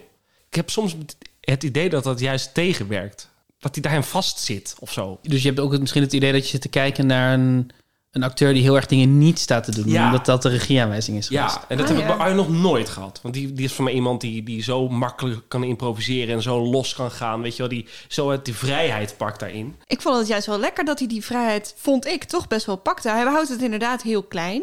Maar, weet je wel, als Jezus aan het praten is, dan, dan, dan reageert hij wel verbaal ook nog. Weet je wel, dan zit hij wel te... mm, oh, mm. Eh, nou, dat heb ik nog nooit een Pilatus zien doen. Die gewoon daadwerkelijk aan het reageren is op zijn tegenspeler. Nee, op die manier. Dus hij, Dus hij, hij is wel in het moment daar. En ook, ik vind Ja. ook wat Tommy Christian daar doet ook niet zo vrij. En ik heb ook het idee dat Arjen dat gebruikt. Zo van, oh, dit, dit arrogante, Ja. mooi bootje. met veel valse die, eh, lucht praten. Ja, die... ben eh, niet zo'n koning. Oh, die is een koning. Nou, bewijs je maar eens. En dat is misschien helemaal geen goede ingang voor wie Pontius Pilatus was. Ik zeg niet dat Arjan slecht speelt hier trouwens. Hè, want Nee, ik vind nee. hem juist Mm. goed spelen. Maar het, misschien is het meer ook je de verwachting bij Arjan. Je, je, je wil bijna al gaan lachen. Ja, ja, maar dan ja. komt dat niet. Of zit het er net tussen? En wat, misschien is dat wat een beetje vervreemdend werkt. Nou, kijk, het is, dit is altijd het moment waarop, je, waarop ik in ieder geval als kijker denk... oh, ze gaan in ieder geval even acteren nu. Ja. Omdat het de eerste keer is dat mensen niet alleen maar drie zinnetjes exposé tegen elkaar zeggen... en dat het dan weer voorbij is. Er zijn Ja. hier mensen samen op een podium Ja. die live iets uit te vechten hebben... hoe klein dat ook is. Dat is heel prettig, vind ik. En dan vind ik dat je aan Arjan best een goede hebt. Maar goed, ook de dialoog wint geen eh, schoonheidsprijs. Nee, dat is het ook. Nee, maar dat, je ziet toch wel dat ze in alles een beetje vastzitten. Eh, ik wilde misschien nog heel eventjes terug Ja, naar het moment dat Jezus het niet meer uithoudt van verdriet. Ja, ja. Het moment waarop Jezus het niet meer uithoudt van verdriet... is het moment dat hij een soort van genegeerd wordt door zijn vrienden... die aan het basketballen zijn, als ik het goed heb. En dan zingt hij het lied Schouder van Jim Bakker. Oh ja. De man die altijd het leed van de anderen ziet, wordt nu zelf gekweld door overweldigende angst. Hij vraagt zich af wie hem nu ziet. En dan lijkt zelfs de liefde van zijn vrienden niet genoeg. Verwijzing naar het lied wat hij net zong. En het zien. Ik zie jou. Wie ziet hem?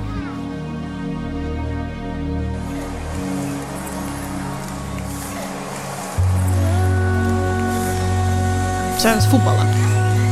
Oh, ja. Ik hou het niet meer uit. Zo verdrietig ben ik. Oké, ik hou het niet meer uit. Zo verdrietig ben ik. Ja, daar kan, daar kan Tommy ook niks aan doen. Nee, Dan Nee. krijgt echt niemand goed zijn ik hou het Nee. niet meer uit. Ja. Zo verdrietig ben ik. Ja. Is er een zin die minder verdrietig klinkt... dan iemand die zegt, ik hou het niet meer uit. Zo verdrietig ben ik? Nee, in, in best veel dingen gaan ze vooruit. In, in, in, de, in de show, de Ja. strakheid, de nummers ook wel. En hoe het gezongen wordt. Maar qua teksten blijft het toch... echt, waarom? Echt erbarmelijk. Ja. Ja. Eh, nou ja, dan is hij heel verdrietig, gaat hij een liedje zingen. Dan krijgen we een soort Notting Hill shot, dat hij daar over de markt loopt daar. Dan is er een straatmuzikant met een soort fluit, Ja. bamboefluit, Mhm. zei je, die een lied zingt. En dan is het moment daar dat degene die hem gaat u- uitleveren naderbij is. En die komt niet alleen... Nee, nee. Die komt niet alleen met een groep politiemensen aan. Die komt ook aan met Jeroen van Koningsbrugge en Dennis van de Ven. Ja. De hoofdrolspelers uit de politieserie Smeris. Die een soort van vreemde cameo hebben. Want ze komen aan, ze gaan op een afstandje kijken... en ze doen verder niks in de scène. Nope. Nee, nee, ze doen alleen de eerste ontkenning van Petrus. Oh ja, klopt. En zij hebben ook in het zeg maar niet fictieve gedeelte ook het nummer geschreven dat gezongen wordt. Ja. Zullen we een stukje naar het nummer luisteren? Huil nou, lach nou, blijf nou, praat nou, doe nou, lieve vriend. Huil nou, lach nou, blijf nou, praat nou, doe nou, lieve vriend. Ik zou echt alles voor je doen. We doen dit samen, vriend, ik ben er voor jou. Maar ik kijk in een lege blik. Je bent jezelf niet en ik weet nou. Het is de moeite niet. Ik heb het geprobeerd, het is de moeite niet. Alles gaat verkeerd, het is de moeite niet. Ik heb het geprobeerd, het is de moeite niet. Ik vind het ergens pijnlijk om Jezus te horen smeken. Oh ja? Ja, ik vind huil nou, lach nou, blijf nou, praat nou, toe nou, lieve vriend. Wat uiteraard lieve schat was in het daadwerkelijke lied. En Mhm. dat hebben ze dan weer herschreven. Want, oh man, een man die een andere man een schat noemt? Nee, Ja, nee, no, nee, no, nee, no, nee, niet op televisie. Maar de- het is zo needy. Het hele idee van Jezus als personage en wat hem interessant maakt... is dat hij niet per se iets wil van de mensen om hem heen. En Jezus die zich zo laat kennen op zo'n kinderachtige manier... Nou, dat heb ik ook een beetje met de zin... Zo, vriend. Ja, hier ben je dus voor gekomen. Hier, hier ben je dus voor gekomen wat verwijtend is. Ja. Terwijl hij weet dat al. Dus hij zou eigenlijk heel empathisch moeten zijn van... Ja. Ja, je, dit is de rol die jij moet spelen. Wat Ja. verschrikkelijk is. Wat volgens mij veel interessanter is. Zeker. En daarna, het grappige is, ze willen natuurlijk juist inderdaad niet dat je dan zegt, lieve schat. Want doordat ze geen context geven over de ruzie en geen context geven over wat er nou eigenlijk aan de hand is, wordt vind- voor ieder geval voor mij, maar misschien ben ik dat, wordt het re- relationeel en wordt het misschien Ja. ook een beetje seksueel ergens. Ja, ja, Dan wordt het juist denk ik van, als we niet weten wat er aan de hand is, dan kan dat bijna alleen maar dat zijn. En, zie ik dat ook veel meer. Het is ook heel duidelijk een break-up lied wat ze hier Ja. hebben gekozen. Weet je, het is, want we hebben ook wel versies gehad van deze scène... waarin ze dan een lied zongen over macht en roem. Weet je, en dan hebben, de Oh ja. twee, en dan he- Oh ja. hebben Judas en Jezus een andere opvatting over macht, wat macht is en wat roem is. Oké. Super interessant. Ja, dat is vind tof. ik als keuze. Ja. En dit is een soort van John Eubank light. En ik vind wel dat ze het voor elkaar krijgen om, om wel... Django heeft zo'n mooie stem. En, en, en dat ik het wat ik wel toch ook wel geraakt word. Ondanks, maar dat heeft misschien zijn talent. Nee, zeker. Ik, Ja. Iedere keer als Django gaat zingen... Dit is de eerste keer dat we hem horen zingen. Ja. Ja, los Ja. van de opening. In de opening zingt hij kort. Ja. Maar het is heerlijk om naar hem te luisteren Ja. als hij zingt. Het is Ja. zo fijn. En, en ook, qua- ik vind ook qua spel eerlijk gezegd dat hij het niet heel slecht doet. Hij mag niet zo heel veel doen, maar hij houdt het best klein, vind ik.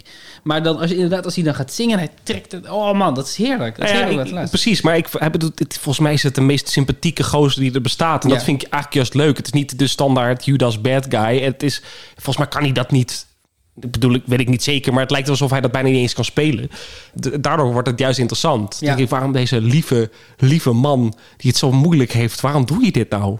Ja, nee, dat is omdat dat toch God al bedacht heeft, denk ik dan. Hij is gewoon ook de pineut. Ja. Er, er was wat ophef rondom het feit dat het een eh, witte Jezus was met, en een zwarte Judas. Ah ja. Ehm, uitgerekend in de diverse Belmer. Een, een theoloog schreef in een veel op Facebook gedeeld artikel over de stereotype rolbevestiging. Mm. Wat, vind- wat, ja, ik weet dat Ik- even ik- voor de duidelijkheid, wij zijn allemaal witte mensen, dus wat Ja. we hier ook over zeggen heeft heel beperkte waarde in een discussie Ja. als dit, maar toch? Ik heb dat gevoel niet gehad toen ik het keek. Laat Nee. ik het zo zeggen. Dus Nee. ik, ik heb daar wel over nagedacht. En ik dacht van... Oh ja, als je dit wil gaan doen... Waarom zijn ze überhaupt ermee begonnen? Weet je wel, hebben ze dat... Het jaar ervoor hebben ze een zwarte Ja, vorige- Oh, echt waar? Ja. Oh nee, dan, dan vind ik het nog een... Dan denk ik niet... Ik heb er eigenlijk ook niet zo naar gekeken. Ik, ik vond alleen wel dat de kledingkeuze die echt totaal onveranderd is vanaf editie 1, Ja, ja. viel mij hier meer op. Dus Judas is helemaal in het zwart gekleed. Ja. En omdat ook nog eens Django McCroy een echt een lange man is die een beetje naar voren buigt, werd hij zeker op het moment dat eh, alle discipelen de bus instappen en dan Judas beslist ik ga niet mee en dan blijft staan op dat busperron. Hij kan prachtig zingen, maar hij moest het in zijn blik acteren ja. wat al die Judas reten moeten doen. Dan had, hij weer die donkere blik en ik, ik dacht gewoon, oh ja, er staat elke keer een soort van Dracula op een afstandje te kijken naar dit clubje. Die heet een soort van. Het is grappig dat je dat zegt. Weet dat je dat er een mythe is dat Judas de eerste vampier was? Oh. Ja. Oh, dat wist ik niet. Nee. Ja, want Judas kreeg zeg maar zilverstukken be- betaald om Jezus te verraden. Daarna heeft hij zichzelf eh, opgehangen, wat nooit wordt verteld volgens mij in de Passion. Dat, dat stuk laatste, of hebben ze dat, hebben ze dat wel eens in Nee, de ze hebben, ze, hebben, ze hebben zijn zelf, zelfmoord er nooit ingezet. Maar in ieder geval, en dan, dan komt hij weer tot leven, dan wordt hij een vampier. Maar daarom kan hij dus niet tegen zilver. Ah. dat staat niet in de Bijbel hoor, maar... Oh ja, de- ik had een vraag aan jullie. Ja. Eh, Maria Glens Grace zingt supergoed. En er is op een gegeven moment een moment dat zij naast de arena staat. Ja. En dan eh, lopend zingt. Ja. Is dat live? Ik wel. jullie? Ja. Ja, nee, maar je ziet toch uiteindelijk ook het publiek? Ze loopt naar het publiek toe en die staat, daar staan beveiligers staan de, de meute een beetje op wel. afstand te houden. Ja. Dan vind ik het echt nog veel knapper. Het is best een raar, het is best een bijzonder moment. Ik vond dat eh, misschien wel een van de tofste momenten. Want, want zij begint inderdaad naast de arena zingen. Ja, onder de, arena, eh, onder de arena. Ja. Ja. Eh, en dan loopt ze zingend live best een eind van het podium vandaan. Wat voor het live publiek een vreemde ervaring moet zeggen. Is dat je Maria gewoon wegloopt. Maar goed. Ja. Ehm, en dan komt ze uit op eigenlijk het plein direct voor het station. En, en dat is niet afgezet. Dus daar staan geen hekken. Want normaal zien we al deze personages alleen maar in heel mooi afgeschermde stukjes eh, beveiligd. Ervoor zorgen dat alles goed kan gaan. En, waar geen, en al, als we dan mensen zien lopen, zijn dat figuranten. Maar hier zie je gewoon dat op een afstandje allemaal mensen staan. die wel op afstand worden gehouden door stel beveiligers. Maar er zit niks tussen hen. En zij loopt gewoon over dat plein opeens. Ja. En opeens is ze helemaal in de echte wereld. En dat Ja. vond ik best een bijzonder, een bijzonder moment. Ja, en dat kan dus. En Volgens mij moeten ze dat veel meer doen. Ja. Want dat, dat maakt het volgens mij juist zo sterk als, als je dat soort momenten hebt. Ja, maar- maar daarom twijfel ik erover. Want ik dacht, hè, maar als, als er 20 mensen, 20.000 mensen op dat plein staan...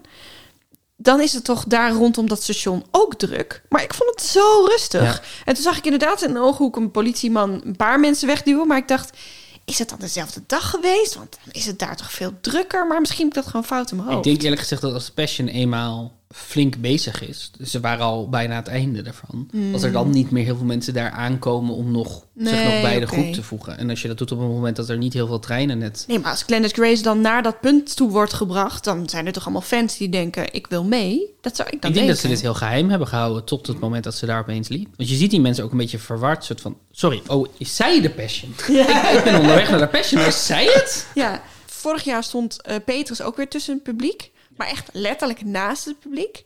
En nu hadden ze dat met Brainpower, die is ook bij de, voor de veroordeling. Maar die staat niet tussen het publiek. Nee. Die staat ach- voor de hekken waar de mensen achter worden Een gezet. Toen soort dacht ik, raar leeg niemandsland. ja, echt een soort landingsbaan-idee. Ja, Daar en, staat hij dan te En rappen. op een of andere manier heeft hij beslist. Ik weet niet of dat technisch een noodzaak is. Of dat hij denkt dat dat cool is. Om de zendmicrofoon die hij op zijn gezicht heeft.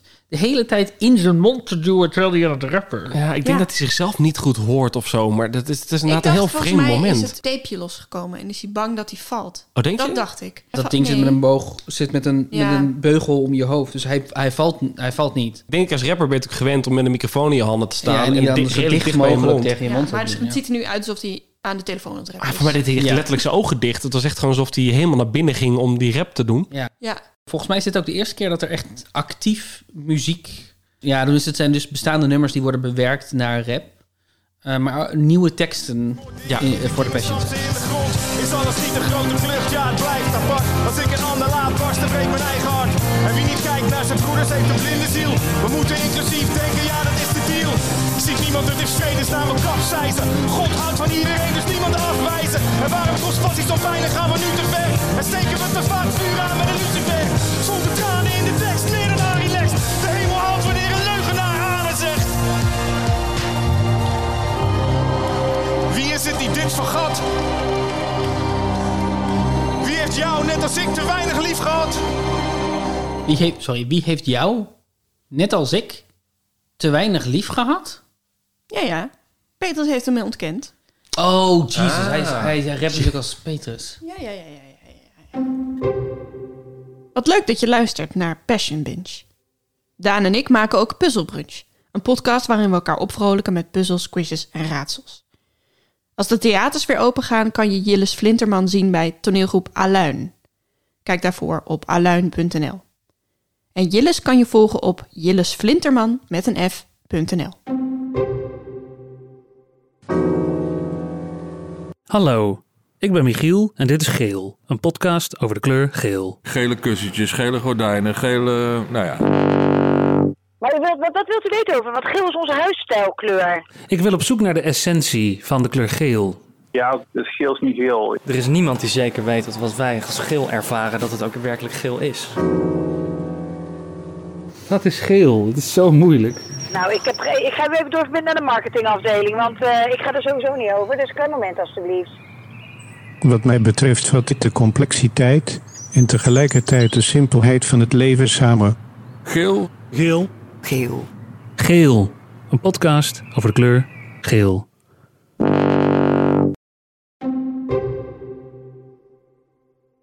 Nu alweer vergeten wat de vraag was. Oké, komt ie.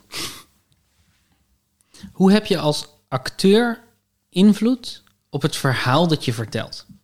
Nou, dat is een goede vraag. Want als acteur ben je natuurlijk eigenlijk een pion. In principe ben, ben jij een pion in dat verhaal. En dat verhaal wordt vaak eh, bepaald door de schrijver. En hoe je dat verhaal interpreteert, wordt dan vaak weer bepaald door de regisseur. Ja. Maar ik denk de persoon wie je, wie je bent of hoe je het speelt, bepaalt wel hoe de, hoe de mensen er naar kijken. Dus in dat opzicht bepaal je wel de zeggingskracht van het verhaal. Maar hoeveel invloed je daarop hebt, is natuurlijk heel erg verschillend. Een soort, bijvoorbeeld zo'n passion. eh, En de- bij deze acteurs hebben daar volgens mij heel weinig invloed op. Ja. En als ze er invloed op hebben, is dat volgens mij per ongeluk. Bijvoorbeeld bij Judas, eh, Django, weet je, die volgens mij veel sympathieker is dan hoe het personage vaak wordt neergezet. En dat is meer per ongeluk dan dat het een Ja. bewuste keuze is. Of- Maar goed, of casting. Of casting, zeker, Ja. natuurlijk. Ja. Ja, dat is, dat is zo. En ik zit ook wel te denken dat we hebben heel arrogante Jezusen gehad. En we hebben heel ontwapenende Jezusen gehad. En ik heb heel leidende Jezusen gezien. Dus ik vond bijvoorbeeld René van Koten, die nog steeds denk ik mijn nummer één Jezus is tot nu toe. Vond ik een heel... Die, die, die gaf wel extra lading aan het verhaal door echt te incasseren. Dat is Ja, de ja. enige die ik heb Ja. gezien dat als ze op het plein schreeuwen kruisig hem, kruisig hem. Mhm. Dat je ziet dat René van Koten denkt, ik word hier verdomme verraden door het volk. Ja, ja, ja. En dat vond ik wel Ja. iets eraan toevoegen. Eh, nee, maar je, je eigen invulling van die rol heeft natuurlijk invloed op hoe je dat beleeft. Of misschien is de vraag, wat is jouw... Wat is als acteur... Ik bedoel, los van dat een, een toneelstuk er niet is als er geen acteurs zijn. Maar wat is jouw... Hoe zie je jouw rol in een, in een maakproces? Het, het voelt als een soort puzzel. Je hebt een stuk tekst en je, je bent aan het uitvogelen waar dat over gaat. En dat uitvogelen is meestal de, de waarom zegt, zeg ik wat ik zeg? Ja. Of waarom doe ik wat ik doe in het stuk? Ja. En dat is natuurlijk niet uitgeschreven per se. Denk je dan, er zit hier één betekenis in en die gaan we nu samen Nee, zoeken? zeker of niet. denk je van, hé, hey, ik kan er, ik vind dit in het leven. Ja. En dit kan ik erin vinden in deze tekst, dus dat kan ik erin leggen. En doe je dat dan? Is dat heel persoonlijk, zeg maar?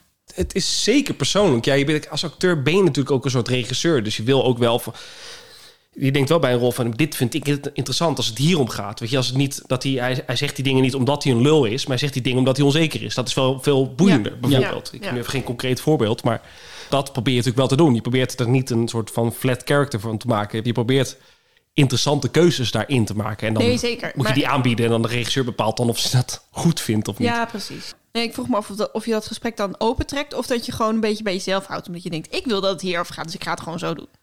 Ja, maar dat, ja, dat verschilt heel erg per regisseur ook. Ik bedoel, ja. dat moet je niet bij elke regisseur doen. Maar uiteindelijk gooi je dat natuurlijk wel open. Ja, en probeer je dat wel duidelijk te maken. Volgens mij gaat het hierover. Hè? Weet je wel, en uiteindelijk als de regisseur zegt van... nee, maar voor, mij niet. Ja, dan hou ik mijn mond en doe ik gewoon wat er gezegd wordt. Ja, om het even concreet te maken. Als je dan uiteindelijk gekozen hebt voor bijvoorbeeld de, de invulling die jij er het liefst aan geeft. Dat de regisseur blijkt daarmee eens te zijn. Als je dan bij de vijfde keer dat nog een keer aan, aan het spelen bent... ben je er dan nog steeds mee bezig? Ja, ja juist. Nee, het, is, het is een heel raar... Het is gewoon een hele lange trip daar naartoe. Want je bent in het begin ken je de tekst nog helemaal niet. Je bent alleen maar de woorden aan het zeggen. Je hebt geen idee wat ze betekenen. Je weet niet wat voor context. Je weet ook niet. Dan heb je misschien één scène gehad, maar daarna komen nog zes scènes. En dat verandert de boel ook weer. En dan heb je uiteindelijk eh, heb je eens een keer een eerste doorloop gedaan. En dan merk je pas dat wat voor boog er in een voorstelling zit of in een verhaal. En dan denk je, hè, maar dat is heel raar dat ik dan in die scène eigenlijk dit doe. eh, Want daarna doe ik dat en dat klopt helemaal niet. Eh, En dan heb je een première gehad. En dan denk je, oh, dit is ongeveer het verhaal. Maar hè, het voelt nog steeds niet helemaal goed. Of het voelt wel goed. En na twee voorstellingen ben je datgene weer kwijt. Dus dan, je bent constant bezig met waar gaat het over? Wat zegt Oh, mijn ja. rol? En wat, gewoon echt tot de laatste, laatste voorstelling ben je daar wel mee bezig. Kan dat ook per speelbeurt verschillen? Dat je denkt, oh, va- vandaag was de Judas die ik speel, ik noem maar wat, een veel grotere lul dan dat hij gisteren was? Oh, zeker. Ja, ja juist. Dat is ook, denk ik, wat het acteren het moeilijkst maakt. En wat mensen van buitenaf misschien helemaal niet zien hoor. Gaat waarschijnlijk om zulke kleine dingen. Ik heb het ook wel eens gezien dat, dat mijn vriendin kwam kijken. En ik zei, ja, vanavond was je niet zo goed. En dan zei ze, nou, dat leek precies dezelfde voorstelling. wat het ook zo is natuurlijk. Wat gebeurt er dan waardoor jij denkt, vanavond was hij niet zo goed? Dat is een goede vraag waarom dat is. Je hebt ook een idee. Je hebt een idee dat, er- dat, er, dat je een soort van zesde zintuig hebt voor wat de zaal meekrijgt. Mm. En in de ideale wereld ben je aan het spelen en dan ben je er niet bij na wat dat doet met het publiek, maar je voelt dat alles wat je doet werkt. Ja, Een soort ja, ja, Dat is, dat is, en een slechte voorstelling is dat niet zo. Je hebt het idee dat je niet op één lijn zit met het publiek. Ja, ja en natuurlijk is dat. En dat is niet per se altijd lachen of zo, want het kan ook een voorstelling zijn waarin helemaal niet wordt gelachen. Nee. Je weet niet wat een zaal ervan vindt. Ik bedoel, er, er is niet zoiets als een zaal überhaupt. Het zijn allemaal verschillende mensen die allemaal verschillende gedachten en verschillende emoties hebben. Precies. Ik heb wel. Nou, er zijn wel aanwijzingen na, na het spelen dat mensen het niet goed vonden hoor. Ja, dat gevoel ken ik. Vooral als mensen zeggen, wat vond je er zelf van als eerste? Dan, dan, dan weet je vaak wel dat het niet echt... dat- in ieder geval dat het niet voor hun was. En ik heb een voorstelling gestaan die ik zelf niet goed vond. Dat is nog wat veel lastiger. Ja, hoe, hoe doe je dat? Hoe hou je dat vol? Dat is toch proberen te zoeken in het stuk wat, wat, wat er wel interessant is en wat er wel werkt. De meeste voorstellingen die niet zo goed zijn, kom je erachter, ja, daar is te weinig ruimte voor, blijkbaar. Of dat kan niet. Maar en ik heb ook wel voorstellingen waarvan ik dacht, die ik pas echt laat begreep en daardoor toch echt wel nog wel veel beter zijn geworden. Of misschien zelfs wel goed.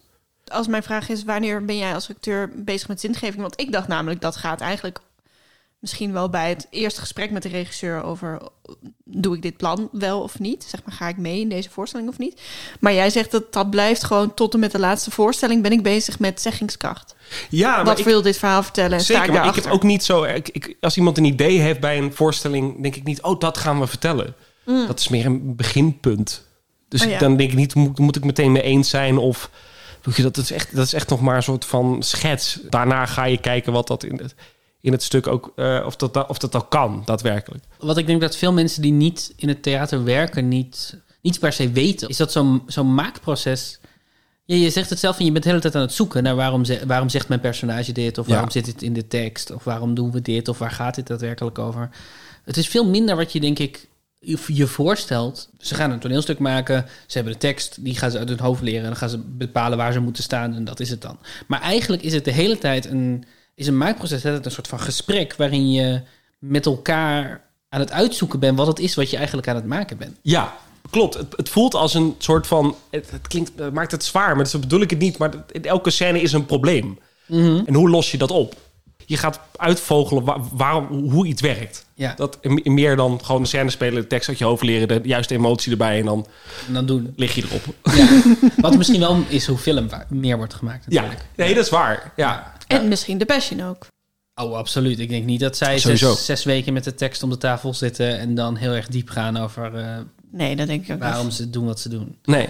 Wat namelijk interessant is, is dat ik vergeet dit soms als schrijver. Omdat als je een toneelschrijver bent, dan, dan heb je eigenlijk al je denkwerk en je zoekwerk en je uitzoekwerk heb je erop zitten tegen de tijd dat de eerste lezing komt. Inderdaad, als schrijver is ook heel lang. Ik zou niet willen zeggen dat iedere scène een probleem is, want ik ben een heel goede schrijver. Dus bij mij is iedere scène van, fantastisch, al vanaf het begin. Ja. Eh, maar in ieder geval ben ik aan het eind van mijn zoektocht. Mijn probleem is er niet meer. Ik heb het opgelost. Ik Ja. weet, ik ben er blij mee. Dit is het antwoord. Dit is het antwoord. En dan krijg je allemaal acteurs eh, die het eerste wat ze gaan doen is alle problemen opnoemen die ze zien. Ja. En dat is onderdeel van jullie werkproces. Ja, Maar- maar geen kritiek op de tekst. En geen kritiek op de tekst. Dat is wel goed om te weten, ja. Ja. Wat, ik denk dat heel veel schrijvers dat zo zien. En ergens is het ook wel zo, hoor. Het is ook gewoon afgeven van de acteur van... ik snap dit niet. Weet Ja. je, hoe moet ik dit, dit, dit nou spelen, zegt hij eigenlijk. Ik snap niet hoe ik dit moet spelen. Ja, Dus dan ja. ligt het misschien in eerste instantie aan de tekst. Maar dan ga je gewoon kijken van... hoe moet ik dat in spel oplossen, dat de tekst klopt. Ja. Ehm, En ik heb heel veel dus geprobeerd om als schrijver om dan aan het begin uit te leggen. En dan te zeggen, nee, nee, maar luister, jouw personage is dit en je doet dit en dan maak je dit door en dan ga je dit door en dan ben je daar. En dat, dat is de boog. En dat is waar je personage om gaat en dat is waar je personage door gemotiveerd wordt en dit is zijn geheim en alles. Maar acteurs accepteren dat helemaal niet. nee. Want acteurs moeten er zelf achter komen. Ja, je moet het kunnen acteren. Je moet het kunnen spelen. Ja. Je moet een soort van... toch een soort binnenwereld snappen die dat zegt. Ja. Dan moet je die binnenwereld aan jezelf ook kunnen linken. Of is dat niet per se nodig? Oeh, dat vind ik een lastige. Ja, nou ja, zekere zin wel. Tuurlijk, je moet het zelf kunnen begrijpen. Ook al begrijp je niet daadwerkelijk wat diegene doet, moet, je, dat- moet het ergens logisch zijn eh, dat je dat doet. En er zijn natuurlijk ook wat trucjes. Weet je, sommige dingen die je echt niet voor elkaar krijgt. Weet je wel, dat je die gewoon heel technisch speelt. Omdat je dan weet dat je ergens komt. Hoor. Het is natuurlijk niet altijd dat het echt van A tot Z helemaal uitgedacht is. En dat het helemaal... Maar daar ben je wel naar op zoek. En, eh, eh, want jij zingt ook wel. Ja. Is dat heel anders? Want ik zit gewoon naar die acteurs te kijken in The Passion. Eh, of de, zangers, die soms ook moeten acteren. Bijvoorbeeld een Simone Kleinsma die dan huilend een Marialied zingt... en haar handen bij elkaar vouwt. En naar de hemel kijkt aan het einde van het nummer. En misschien is het wel voor elke acteur anders hoor. Maar ik ben dan heel benieuwd, wat gaat er door haar hoofd? Voelt ze even het verlies van Jezus? Denkt ze, oh my god, eh, kijk ik wel de goede kant op nu die camera zo gericht is? Hoort ze de stemmen van de mensen die vlak naast haar podium met elkaar zeggen, goh, die doet dat mooi hè? Ja, zij is natuurlijk, dat is nog wel echt een, een apart vak, maar zij is natuurlijk musical eh, actrice. Dus zij is gewend om eigenlijk te acteren via zang. Ja. En dat is natuurlijk nog iets anders dan een lied zingen. Eigenlijk Ja. wat meer een, een, een emotie, of tenminste ja, dat iets abstracter is dan dat, denk ik. Kan zijn. Ja, want jij hebt vooral meer cabaretliedjes gezongen zelf. Of nou, ook ik heb, wel... ook, ik heb ook musicals gespeeld ik, Oh, ja. toen ik jong was. Nee, ik, voor mij is dat verschil niet zo groot. En volgens mij hoort dat ook. Dat wel dicht bij elkaar ligt. Alleen het is natuurlijk in, in een soort musical nummer anders dan als je een, een, een liedje van de Beatles zingt of zo. Ik zing nooit liedjes van de Beatles trouwens. Nee, alleen al vanwege de rechten is dat heel gevaarlijk. Moet je niet doen hoor. Moet je niet willen. Nee, maar bij, bij die passion nummers is het precies zo. In het midden van, is iemand aan het acteren... of is iemand gewoon proberen die noot aan het halen? Maar ja, dat is Of een beetje het probleem met de Passion. Volgens mij als je de nummers zingt gewoon zoals ze geschreven zijn... dan heb je dat niet zo door. Maar nu moet je, moeten ze er iets, moeten, ze moeten dat verhaal erbovenop spelen. Ja. Dat maakt het zo moeilijk en soms zo raar. Ja, je moet eigenlijk ook de cognitieve dissonantie wegspelen. Van Maria zingt: Het is oké als je weggaat, want ik weet dat je iedere avond weer terugkomt met dat als ik de sleutel in het slot hoor Ja. gaan. En dat je, dat je op een bepaalde manier als luisteraar denkt: Sorry, wonen Maria en Jezus samen? Ja. Wat, is, wat is dit? Maar Ja. dat moet je allemaal. Je moet inzoomen op de emotie die achter die tekst zit. Ja, ook maar ook in zwart-wit. Weet je, dat iemand stopt toch in een taxi. Ik ben er meteen uit of Ja. zo. Dan denk ik, hè, wat? Ik moet het toch over Jesus Christ Superstar hebben nog een keer. Daar is, dat is natuurlijk geschreven daarop. Ja. Ja. En elk nummer heeft een hele duidelijke functie en is een, brengt het verhaal ook verder. Het is niet alleen maar een uitleg, het is ook echt een verdieping, zeg Ja. maar. En dat, dat gebeurt natuurlijk bij de Passion niet. Nee. Ik bedoel, de tofste scène uit Jesus Christ Superstar is dat Judas, die, is, die heeft zichzelf opgehangen en die komt dan terug uit de dood. Of niet echt terug uit de dood, maar hij is ineens een engel die vertelt aan Jezus van... Van, van waarom heb je dit nou zo hoog aangepakt? Waarom ben je niet gekomen toen de camera's waren? Waarom, waarom- toen het internet? Nou, dat, dat zeggen ze niet, maar eigenlijk wanneer het internet er was. En dat vind ik een hele toffe... Ja. Dus Als een soort showmaster zingt hij dat. Dat, dat voegt iets toe. Ja. Maar goed, ik weet niet waarom ik dit zeg, maar... Zou, zou, als je, ze jou zouden vragen? Ja, ik denk de dat ik het wel zou doen. Ja, ik heb best wel veel bijbeldingen gespeeld. Oh ja. Dus dat, het ligt wel in... Ik heb het wel in mijn repertoire. Ja. Ja, ik heb tien Oude Testament verhalen in een uur. Voor, vooral voor middelbare scholen eh, heb ik gespeeld. En ik heb voor het Bijbelgenootschap meerdere dingen gedaan. Maar je, je gelooft niet, toch? Niet meer, nee. Niet meer. Ik heb, ik heb de helft van mijn leven geloofd. En eh, Tot nu toe. Ja, helft van mijn leven tot nu toe. als in, je kan weer overschakelen naar wel weer geloven? Of als in, het wordt steeds ja, minder dan... ja, ik weet het niet. Ja, of, ja ik tot, tot mijn zeventiende. Ja. Ja. En eh, is dat dan, want dan ben je dus echt van je geloof gevallen. Ehm, ja, ik denk dat het in mijn geval wel dat, dat je dat wel kan zeggen. Ik, je hebt twee soorten gelovigen en ook twee soorten niet-gelovigen volgens mij. De mensen die niet echt, niet, niet echt belangrijk vinden of het waar is, maar waar wel of niet geloven. En de Mhm. mensen die volgens mij heel- juist heel erg wi- willen weten of het waar is en daarom niet of wel geloven. wel, ja, ja. Ja. En ik, ik, ik behoor tot die laatste groep. Dus ik was altijd heel erg aan het uitzoeken van waarom is het waar? En weet je wel, en, eh, wat wordt hiermee bedoeld? Dus voor mij was het altijd heel erg belangrijk of het waar Of het was. klopte. Ja, of het klopte.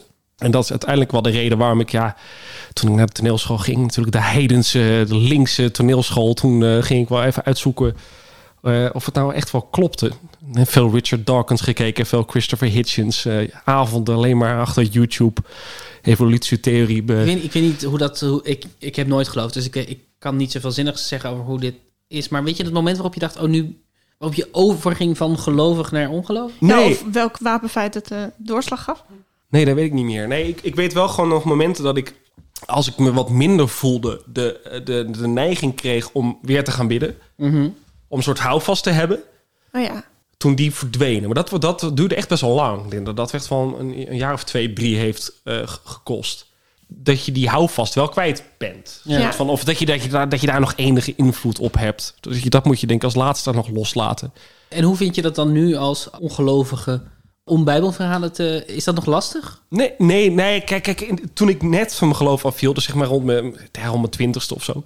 Toen was ik eigenlijk militant atheïstisch. Weet je wel, Mm. alles wat religie was, was stom. En het was alleen maar hersens, hersenspoelingen en dat soort onzin. Ik denk dat dat een combinatie is van sowieso twintig zijn. Als, als je sowieso dat soort opvatting hebt. En inderdaad, wat vaak gebeurt, is mensen van hun geloof afvallen. Precies, ik had zo mijn, mijn puberfase, zeg Ja. maar. Overal tegenaan schoppen.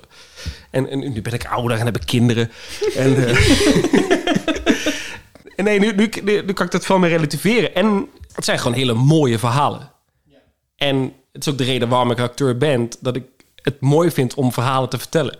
En die verhalen zijn er met een reden. En die hebben nog steeds invloed op ons. En kunnen nog steeds, steeds iets vertellen over ons. En dat ben ik wel meer gaan waarderen weer. En als je denkt, als je het zo de, de Bijbel bekijkt... Mhm. is het een heel mooi boek. Oké, dus we hebben al established dat je waarschijnlijk het toch wel zou doen als je ervoor gevraagd wordt. Maar als het nou niet de passion, maar iets wat, wat diehard christelijk is, wat, wat bepaalde waarden eh, vertegenwoordigt waar jij niet meer achter staat. Nee, dat zou ik niet doen. Er is wel een grens aan wat je kan of wil spelen. Ja, wat, ik bedoel, de reden is wel belangrijk. Ik, ik, ga, ik ben hier niet om het, gelo- het geloof te prediken, nee.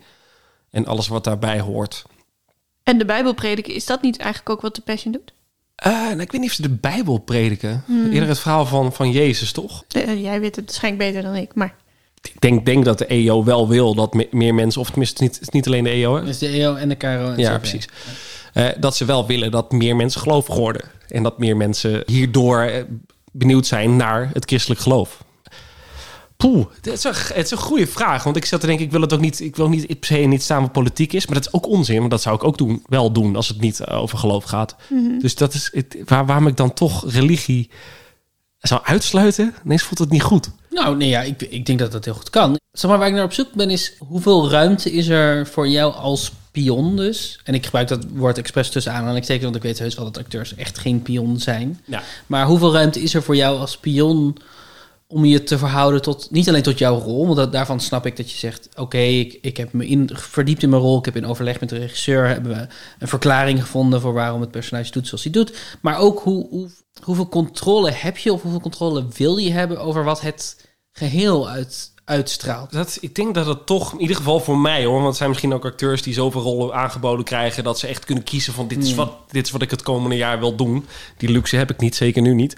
Maar eh, Nee, nu kan je nergens uit kiezen omdat niks speelt. nee, volgens mij gaat het, is hetzelfde een beetje als dat je ook toch uiteindelijk moet vertrouwen wat de regisseur eh, zegt. Ja. Want je kan dat zelf niet zien waar je in staat. Hm. Dus uiteindelijk weet je niet zeker wat iets gaat zeggen, denk ik. Of w- Ja. 100% zeker weet je wat dat gaat betekenen. Omdat je er onderdeel van bent en niet tegenaan kijkt, zul je ook nooit echt weten, volgens mij, wat het precies zegt. Best een kwetsbare positie. Ja, dat is best wel vervelend, ja. Ik ben ook wel jaloers op acteurs die heel goed zelf kunnen maken, hoor. Die, die makkelijk een solo kunnen maken of... eh, eh, Wat, wat is het dan wat je in jouw optiek mist?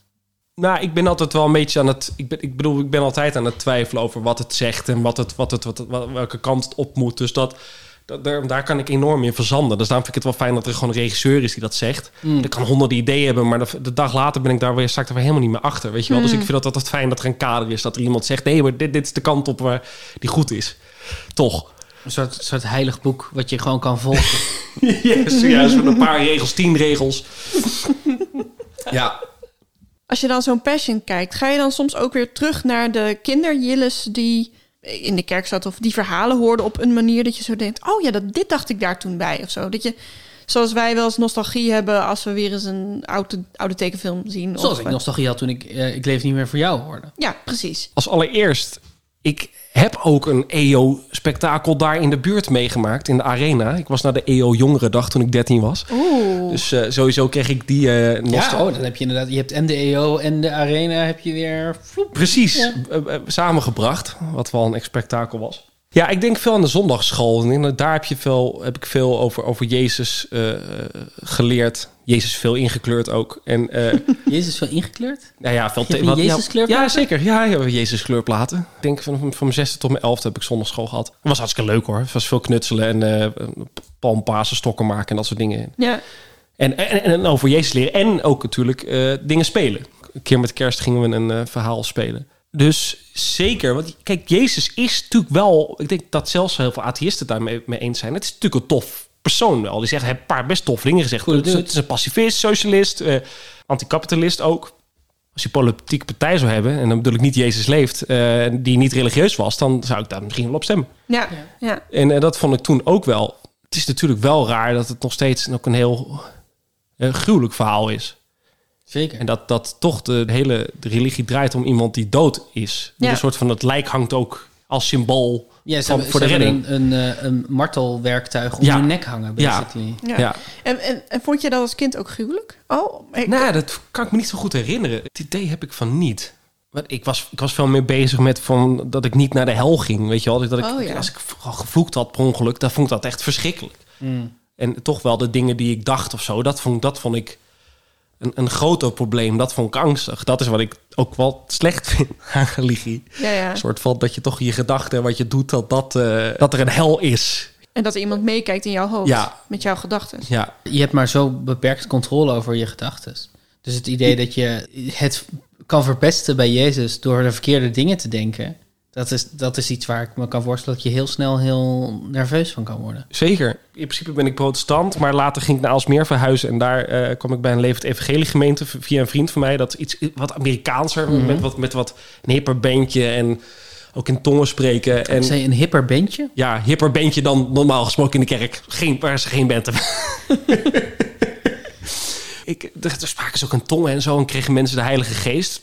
Mm. En dat wilde ik natuurlijk ook. Dus ik, er was een jongerendienst en dan mocht je vooraan komen en dan gingen ze voor je bidden en mensen vielen achterover en die zagen het licht en die begonnen te schudden en zo. En toen dacht ik, wow, weet je wel, dat is wel cool. Wil ik ook wel. Ik wil ook wel een soort van God voelen. En toen ging ik er ook staan en toen begon iemand voor voor me te bidden, legde zijn hand op mijn hoofd en die was super lief, die was super eh, me aan het aanmoedigen en voor me aan het bidden dat het goed met me ging. En in een tijdje zo begon hij een beetje tegen mijn hoofd aan te duwen. En toen steeds harder. En toen keek ik om me heen en de meeste kinderen waren al gaan liggen. En die, die hadden dus al de Heilige Geest gekregen. En ik denk, oh shit, het werkt bij mij niet. Weet je wel, God hoort me niet. Dus tegen ik mag proberen hard, be- beter mijn best te doen. En uiteindelijk begon hij steeds harder te duwen. En ik denk, ja, ik, ik kan er niet blijven staan. Dan weten ze gewoon dat God me Verlaten heeft. God me verlaten heeft. Dus toen ben ik toch maar eh, achterover gevallen. Ja. Oh, wauw. Dat klinkt als een vrij traumatische ervaring eigenlijk. Ik weet niet of het traumatisch was, maar ik vond het wel... Ik dacht steeds, doe ik het nou niet goed? Weet je wel? Of ik, Ja. ik, ik vond het niet per se dat ik dacht dat ik naar de hel ging... of dat ik slecht was, maar wel dat ik dacht... Nee, ik bedoel ook niet traumatisch als zoals we dat woord eh, over het algemeen veel, heel, met heel veel grootste dingen associëren. Maar Nee. voor een hele kerk het gevoel hebben inderdaad, ik doe het wel niet goed, God heeft me verlaten. Ja. Dat eh, klinkt gewoon wel als iets wat indruk in elk geval maakt en blijft. Zeker, ja. Ik denk, ik denk er nog toch wel af en toe aan, aan dat moment. Het klinkt ook als, als het begin van, eh, dat je, van een acteercarrière. Zeker. Toen, Daar- toen heb je ontdekt. Ja. dat, eh, dat dat de manier is waarop je kan doen alsof je erbij hoort. Toch? Ja. Gewoon, eh, Ja. Gewoon te doen alsof. Je weg Ah, daar was ik sowieso goed in. Doen, eh, doen alsof om erbij te horen. Dat is zeker waar. Zijn er dingen die je mist aan het gelovig zijn? Dat is een goede vraag. Nou ja, wat ik op zich die houvast, dat je controle hebt op iets waar je natuurlijk geen controle over hebt. Dat je Ja. dat in ieder geval dat idee hebt dat daar nog iets is, is natuurlijk prettig. Ja. Ik ben ook niet per se iemand die zegt: ik ben niet bang voor de dood. Ik ben niet bang voor wat hierna eh komt. Dus ik ben op zich het idee van daarna is er nog een, iets moois. Ook al vind ik eeuwig leven ook weer een enge gedachte. Maar in ieder geval, snap je, dat vind Ja. ik ook wel jammer. Dat het hierna ophoudt. Dat het alleen maar het eeuwige zwart is. Het voelt alsof je best iets hebt opgeofferd. Ja, dat is waar. Maar ik bedoel, het alternatief was wel wat vervelender. en dat betekent dat, dat mijn oma, die ik heel erg lief vond, me niet geloofde, naar de hel is. Ja, dat is, dat is dan, eh, dat is ook niet zo leuk. Nee, dat lijkt dat. Nee, dat. Ik heb daar nooit echt heel serieus over nagedacht. De hel. Maar als je het het gevoel van verantwoordelijkheid wat je moet voelen als je denkt dat mensen die inderdaad waar je van houdt, dat die door hun gedrag naar de hel gaan. Pra praten mensen niet zoveel over, maar Nee. dat vind ik wel een belangrijk ding. Als, als er echt een tweedeling is, en die is belangrijk, Ja. dat betekent dus ook dat. En vaak wordt het gewoon weggedaan, ja, die was goed of zo. Dat wat natuurlijk niet waar is. Dat ik denk dat elke kerk dat zou zeggen. Dat, het echt, dat je echt niet zomaar in de hemel komt omdat je goed bent. Nee. Maar dat betekent wel dat daar gewoon heel veel lieve mensen voor eeuwig staan weg te branden. Dat is wel treurig. Ja. Het is best treurig, ja.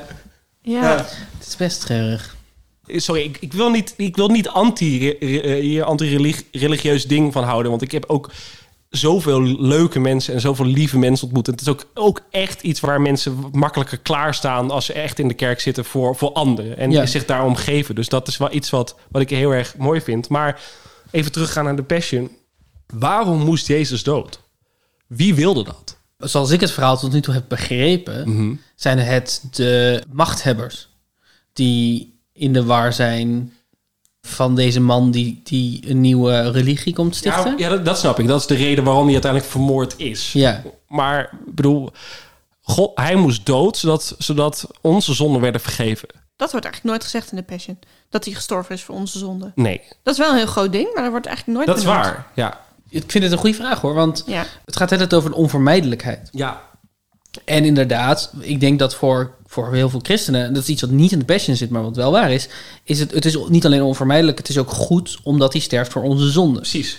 Dat moet zelfs. Ja, maar wat dat betekent, dat hij is gestorven voor onze zonden, dat snap ik nog steeds niet helemaal. Nee, en het, het kan toch alleen maar zo zijn dat God... of Tenminste, wie moet die vergeving geven? Dat is God. Ja. Toch? Dus God vond het... Hij wilde alleen maar vergeven als er daadwerkelijk iemand doodging. Maar is het niet zo dat, dat wij als mensen beter af zouden zijn als Jezus nog zou leven? Maar de zondigen ook als mensen?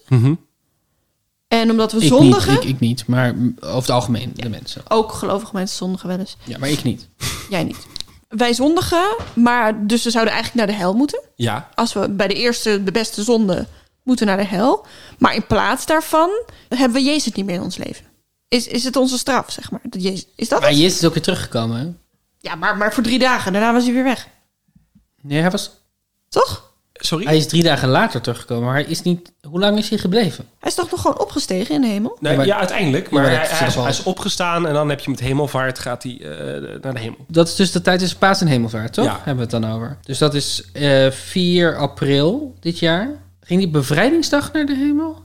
Nee. Ehm hemelvaartsdag is op 13 mei. Oké, ik Dus weet niet of dat in de Bijbel ook zo letterlijk staat hoor. Dat er zoveel tijd, volgens mij is dat Dus minder. anderhalve maand. Anderhalve maand? Toch 4 april naar 13. Nou ja, een maand en, en, en een week. Nou, volgens mij staat dat niet in de Bijbel, dat hij zo lang... Maar wat vieren we dan? Dat hij naar de hemel gaat? Als jij zegt dat, dat, dat daar minder tijd tussen zit, waarom, Oh, waarom- waarom... is dat dan pas op, 4, op 13 mei? Dat weet ik niet. Daar is na 2000 jaar heel weinig over te zeggen. Maar goed, dus hij, hij loopt eh, anderhalf maand rond. ja. En dat is heel fijn voor de mensen, want dan weten ze... oh, God bestaat echt, want, want hij is opgestaan uit, uit de dood. Denk ik. vind het grappig. Want er zijn ook volgens mij een paar mensen die hem niet herkennen. Maar dan laat hij zijn handen zien en dan denken ze... Oh, je bent het. Wat ik wel heel grappig vind. Dus het zou gewoon iemand anders kunnen zijn. Die een staaf door zijn handen heeft Nou gejast. ja, zo klinkt het een beetje. Maar God is almachtig. Dus hij bepaalt ook dat dit gebeurd is. Of hij heeft het laten gebeuren. Ja. Laat ik- op zijn minst. Ja. ja. En hij heeft dat gebruikt. En hij wist ook van, van tevoren dat het ging gebeuren. Want hij Precies. heeft het tegen Jezus gezegd, dit gaat gebeuren. Ja. hij heeft ook dat gebruikt om te zeggen... oké, dan gebeurt dit, maar dan zijn je wel jullie zonde vergeven. Maar het is ook een les. Want het wordt ook steeds gebracht als... kijk wat voor verschrikkelijke dingen mensen doen. Maar als Ja. God dit heeft laten gebeuren of zo... Of, Ah ja, de, de- op zich kan dat natuurlijk. Je kan mensen hun gang laten gaan, wetende dat het fout gaat gaan. maar hun gang laten gaan heeft geleid naar dat het allemaal oké is. Omdat jullie dat hebben gedaan, is het nu vergeven. Ja, het is, het is Ja, mij eigenlijk... Toch, ik raak, raak daar gewoon al best wel... Toen ik jong was ook al een beetje in de war. Ik zou het heel logisch vinden als je zegt: Oké, er was deze man, hij was de zoon van God, hij is verraden door de mensheid, hij is gestorven en nu moeten wij uit naam van hem zijn gedachten voortzetten, omdat het zo erg is dat hij is gestorven. Maar, Ja. maar dat, dat hele vergeven van zonde, zo zit daar niet in. Bijvoorbeeld bij, bij het verhaal van, van Job. De Satan zegt, Job is alleen maar bij u en gelooft alleen maar in u. En vertrouwt in u, omdat, je, omdat hij zo eh, rijk is. Omdat Ja. hij zoveel, zoveel schapen heeft en zoveel kinderen en dat het zo goed gaat. En zegt God, ook al heeft hij dat niet, dan zal hij nog mij volgen. En dan gaat Satan al zijn spullen afpakken en al zijn kinderen vermoorden. En zeg maar hem helemaal de grond in werken. En dan uiteindelijk blijft hij toch in, in God geloven. En dat is zeg maar een beetje de, hoe het eindigt. Ja, het is ook een, uh, Ook een soort spelshow is dat. Ja, het is heel erg een Ja, het is, heel, spelshow. gru- het is vrij gruwelijk, ja. Er is dus niet echt een, volgens mij een heel duidelijk antwoord. Waarom moet hij dood? In ieder geval niet een antwoord dat ik weet. Nee, ik ook niet, hoor. En wat jij dus ook niet Nee, weet. zeker Met- niet. Terwijl jij daar eh, een stuk gescholder in bent dan wij dat zijn. Misschien is dit flauw. Eh, maar denk je dat er een verband is tussen het feit dat je wel ergens het gevoel van een, een guiding light mist... en vervolgens acteur worden, zodat je een regisseur hebt die jou altijd kan vertellen wat je moet doen? Wauw. Is de regisseur God in jouw leven?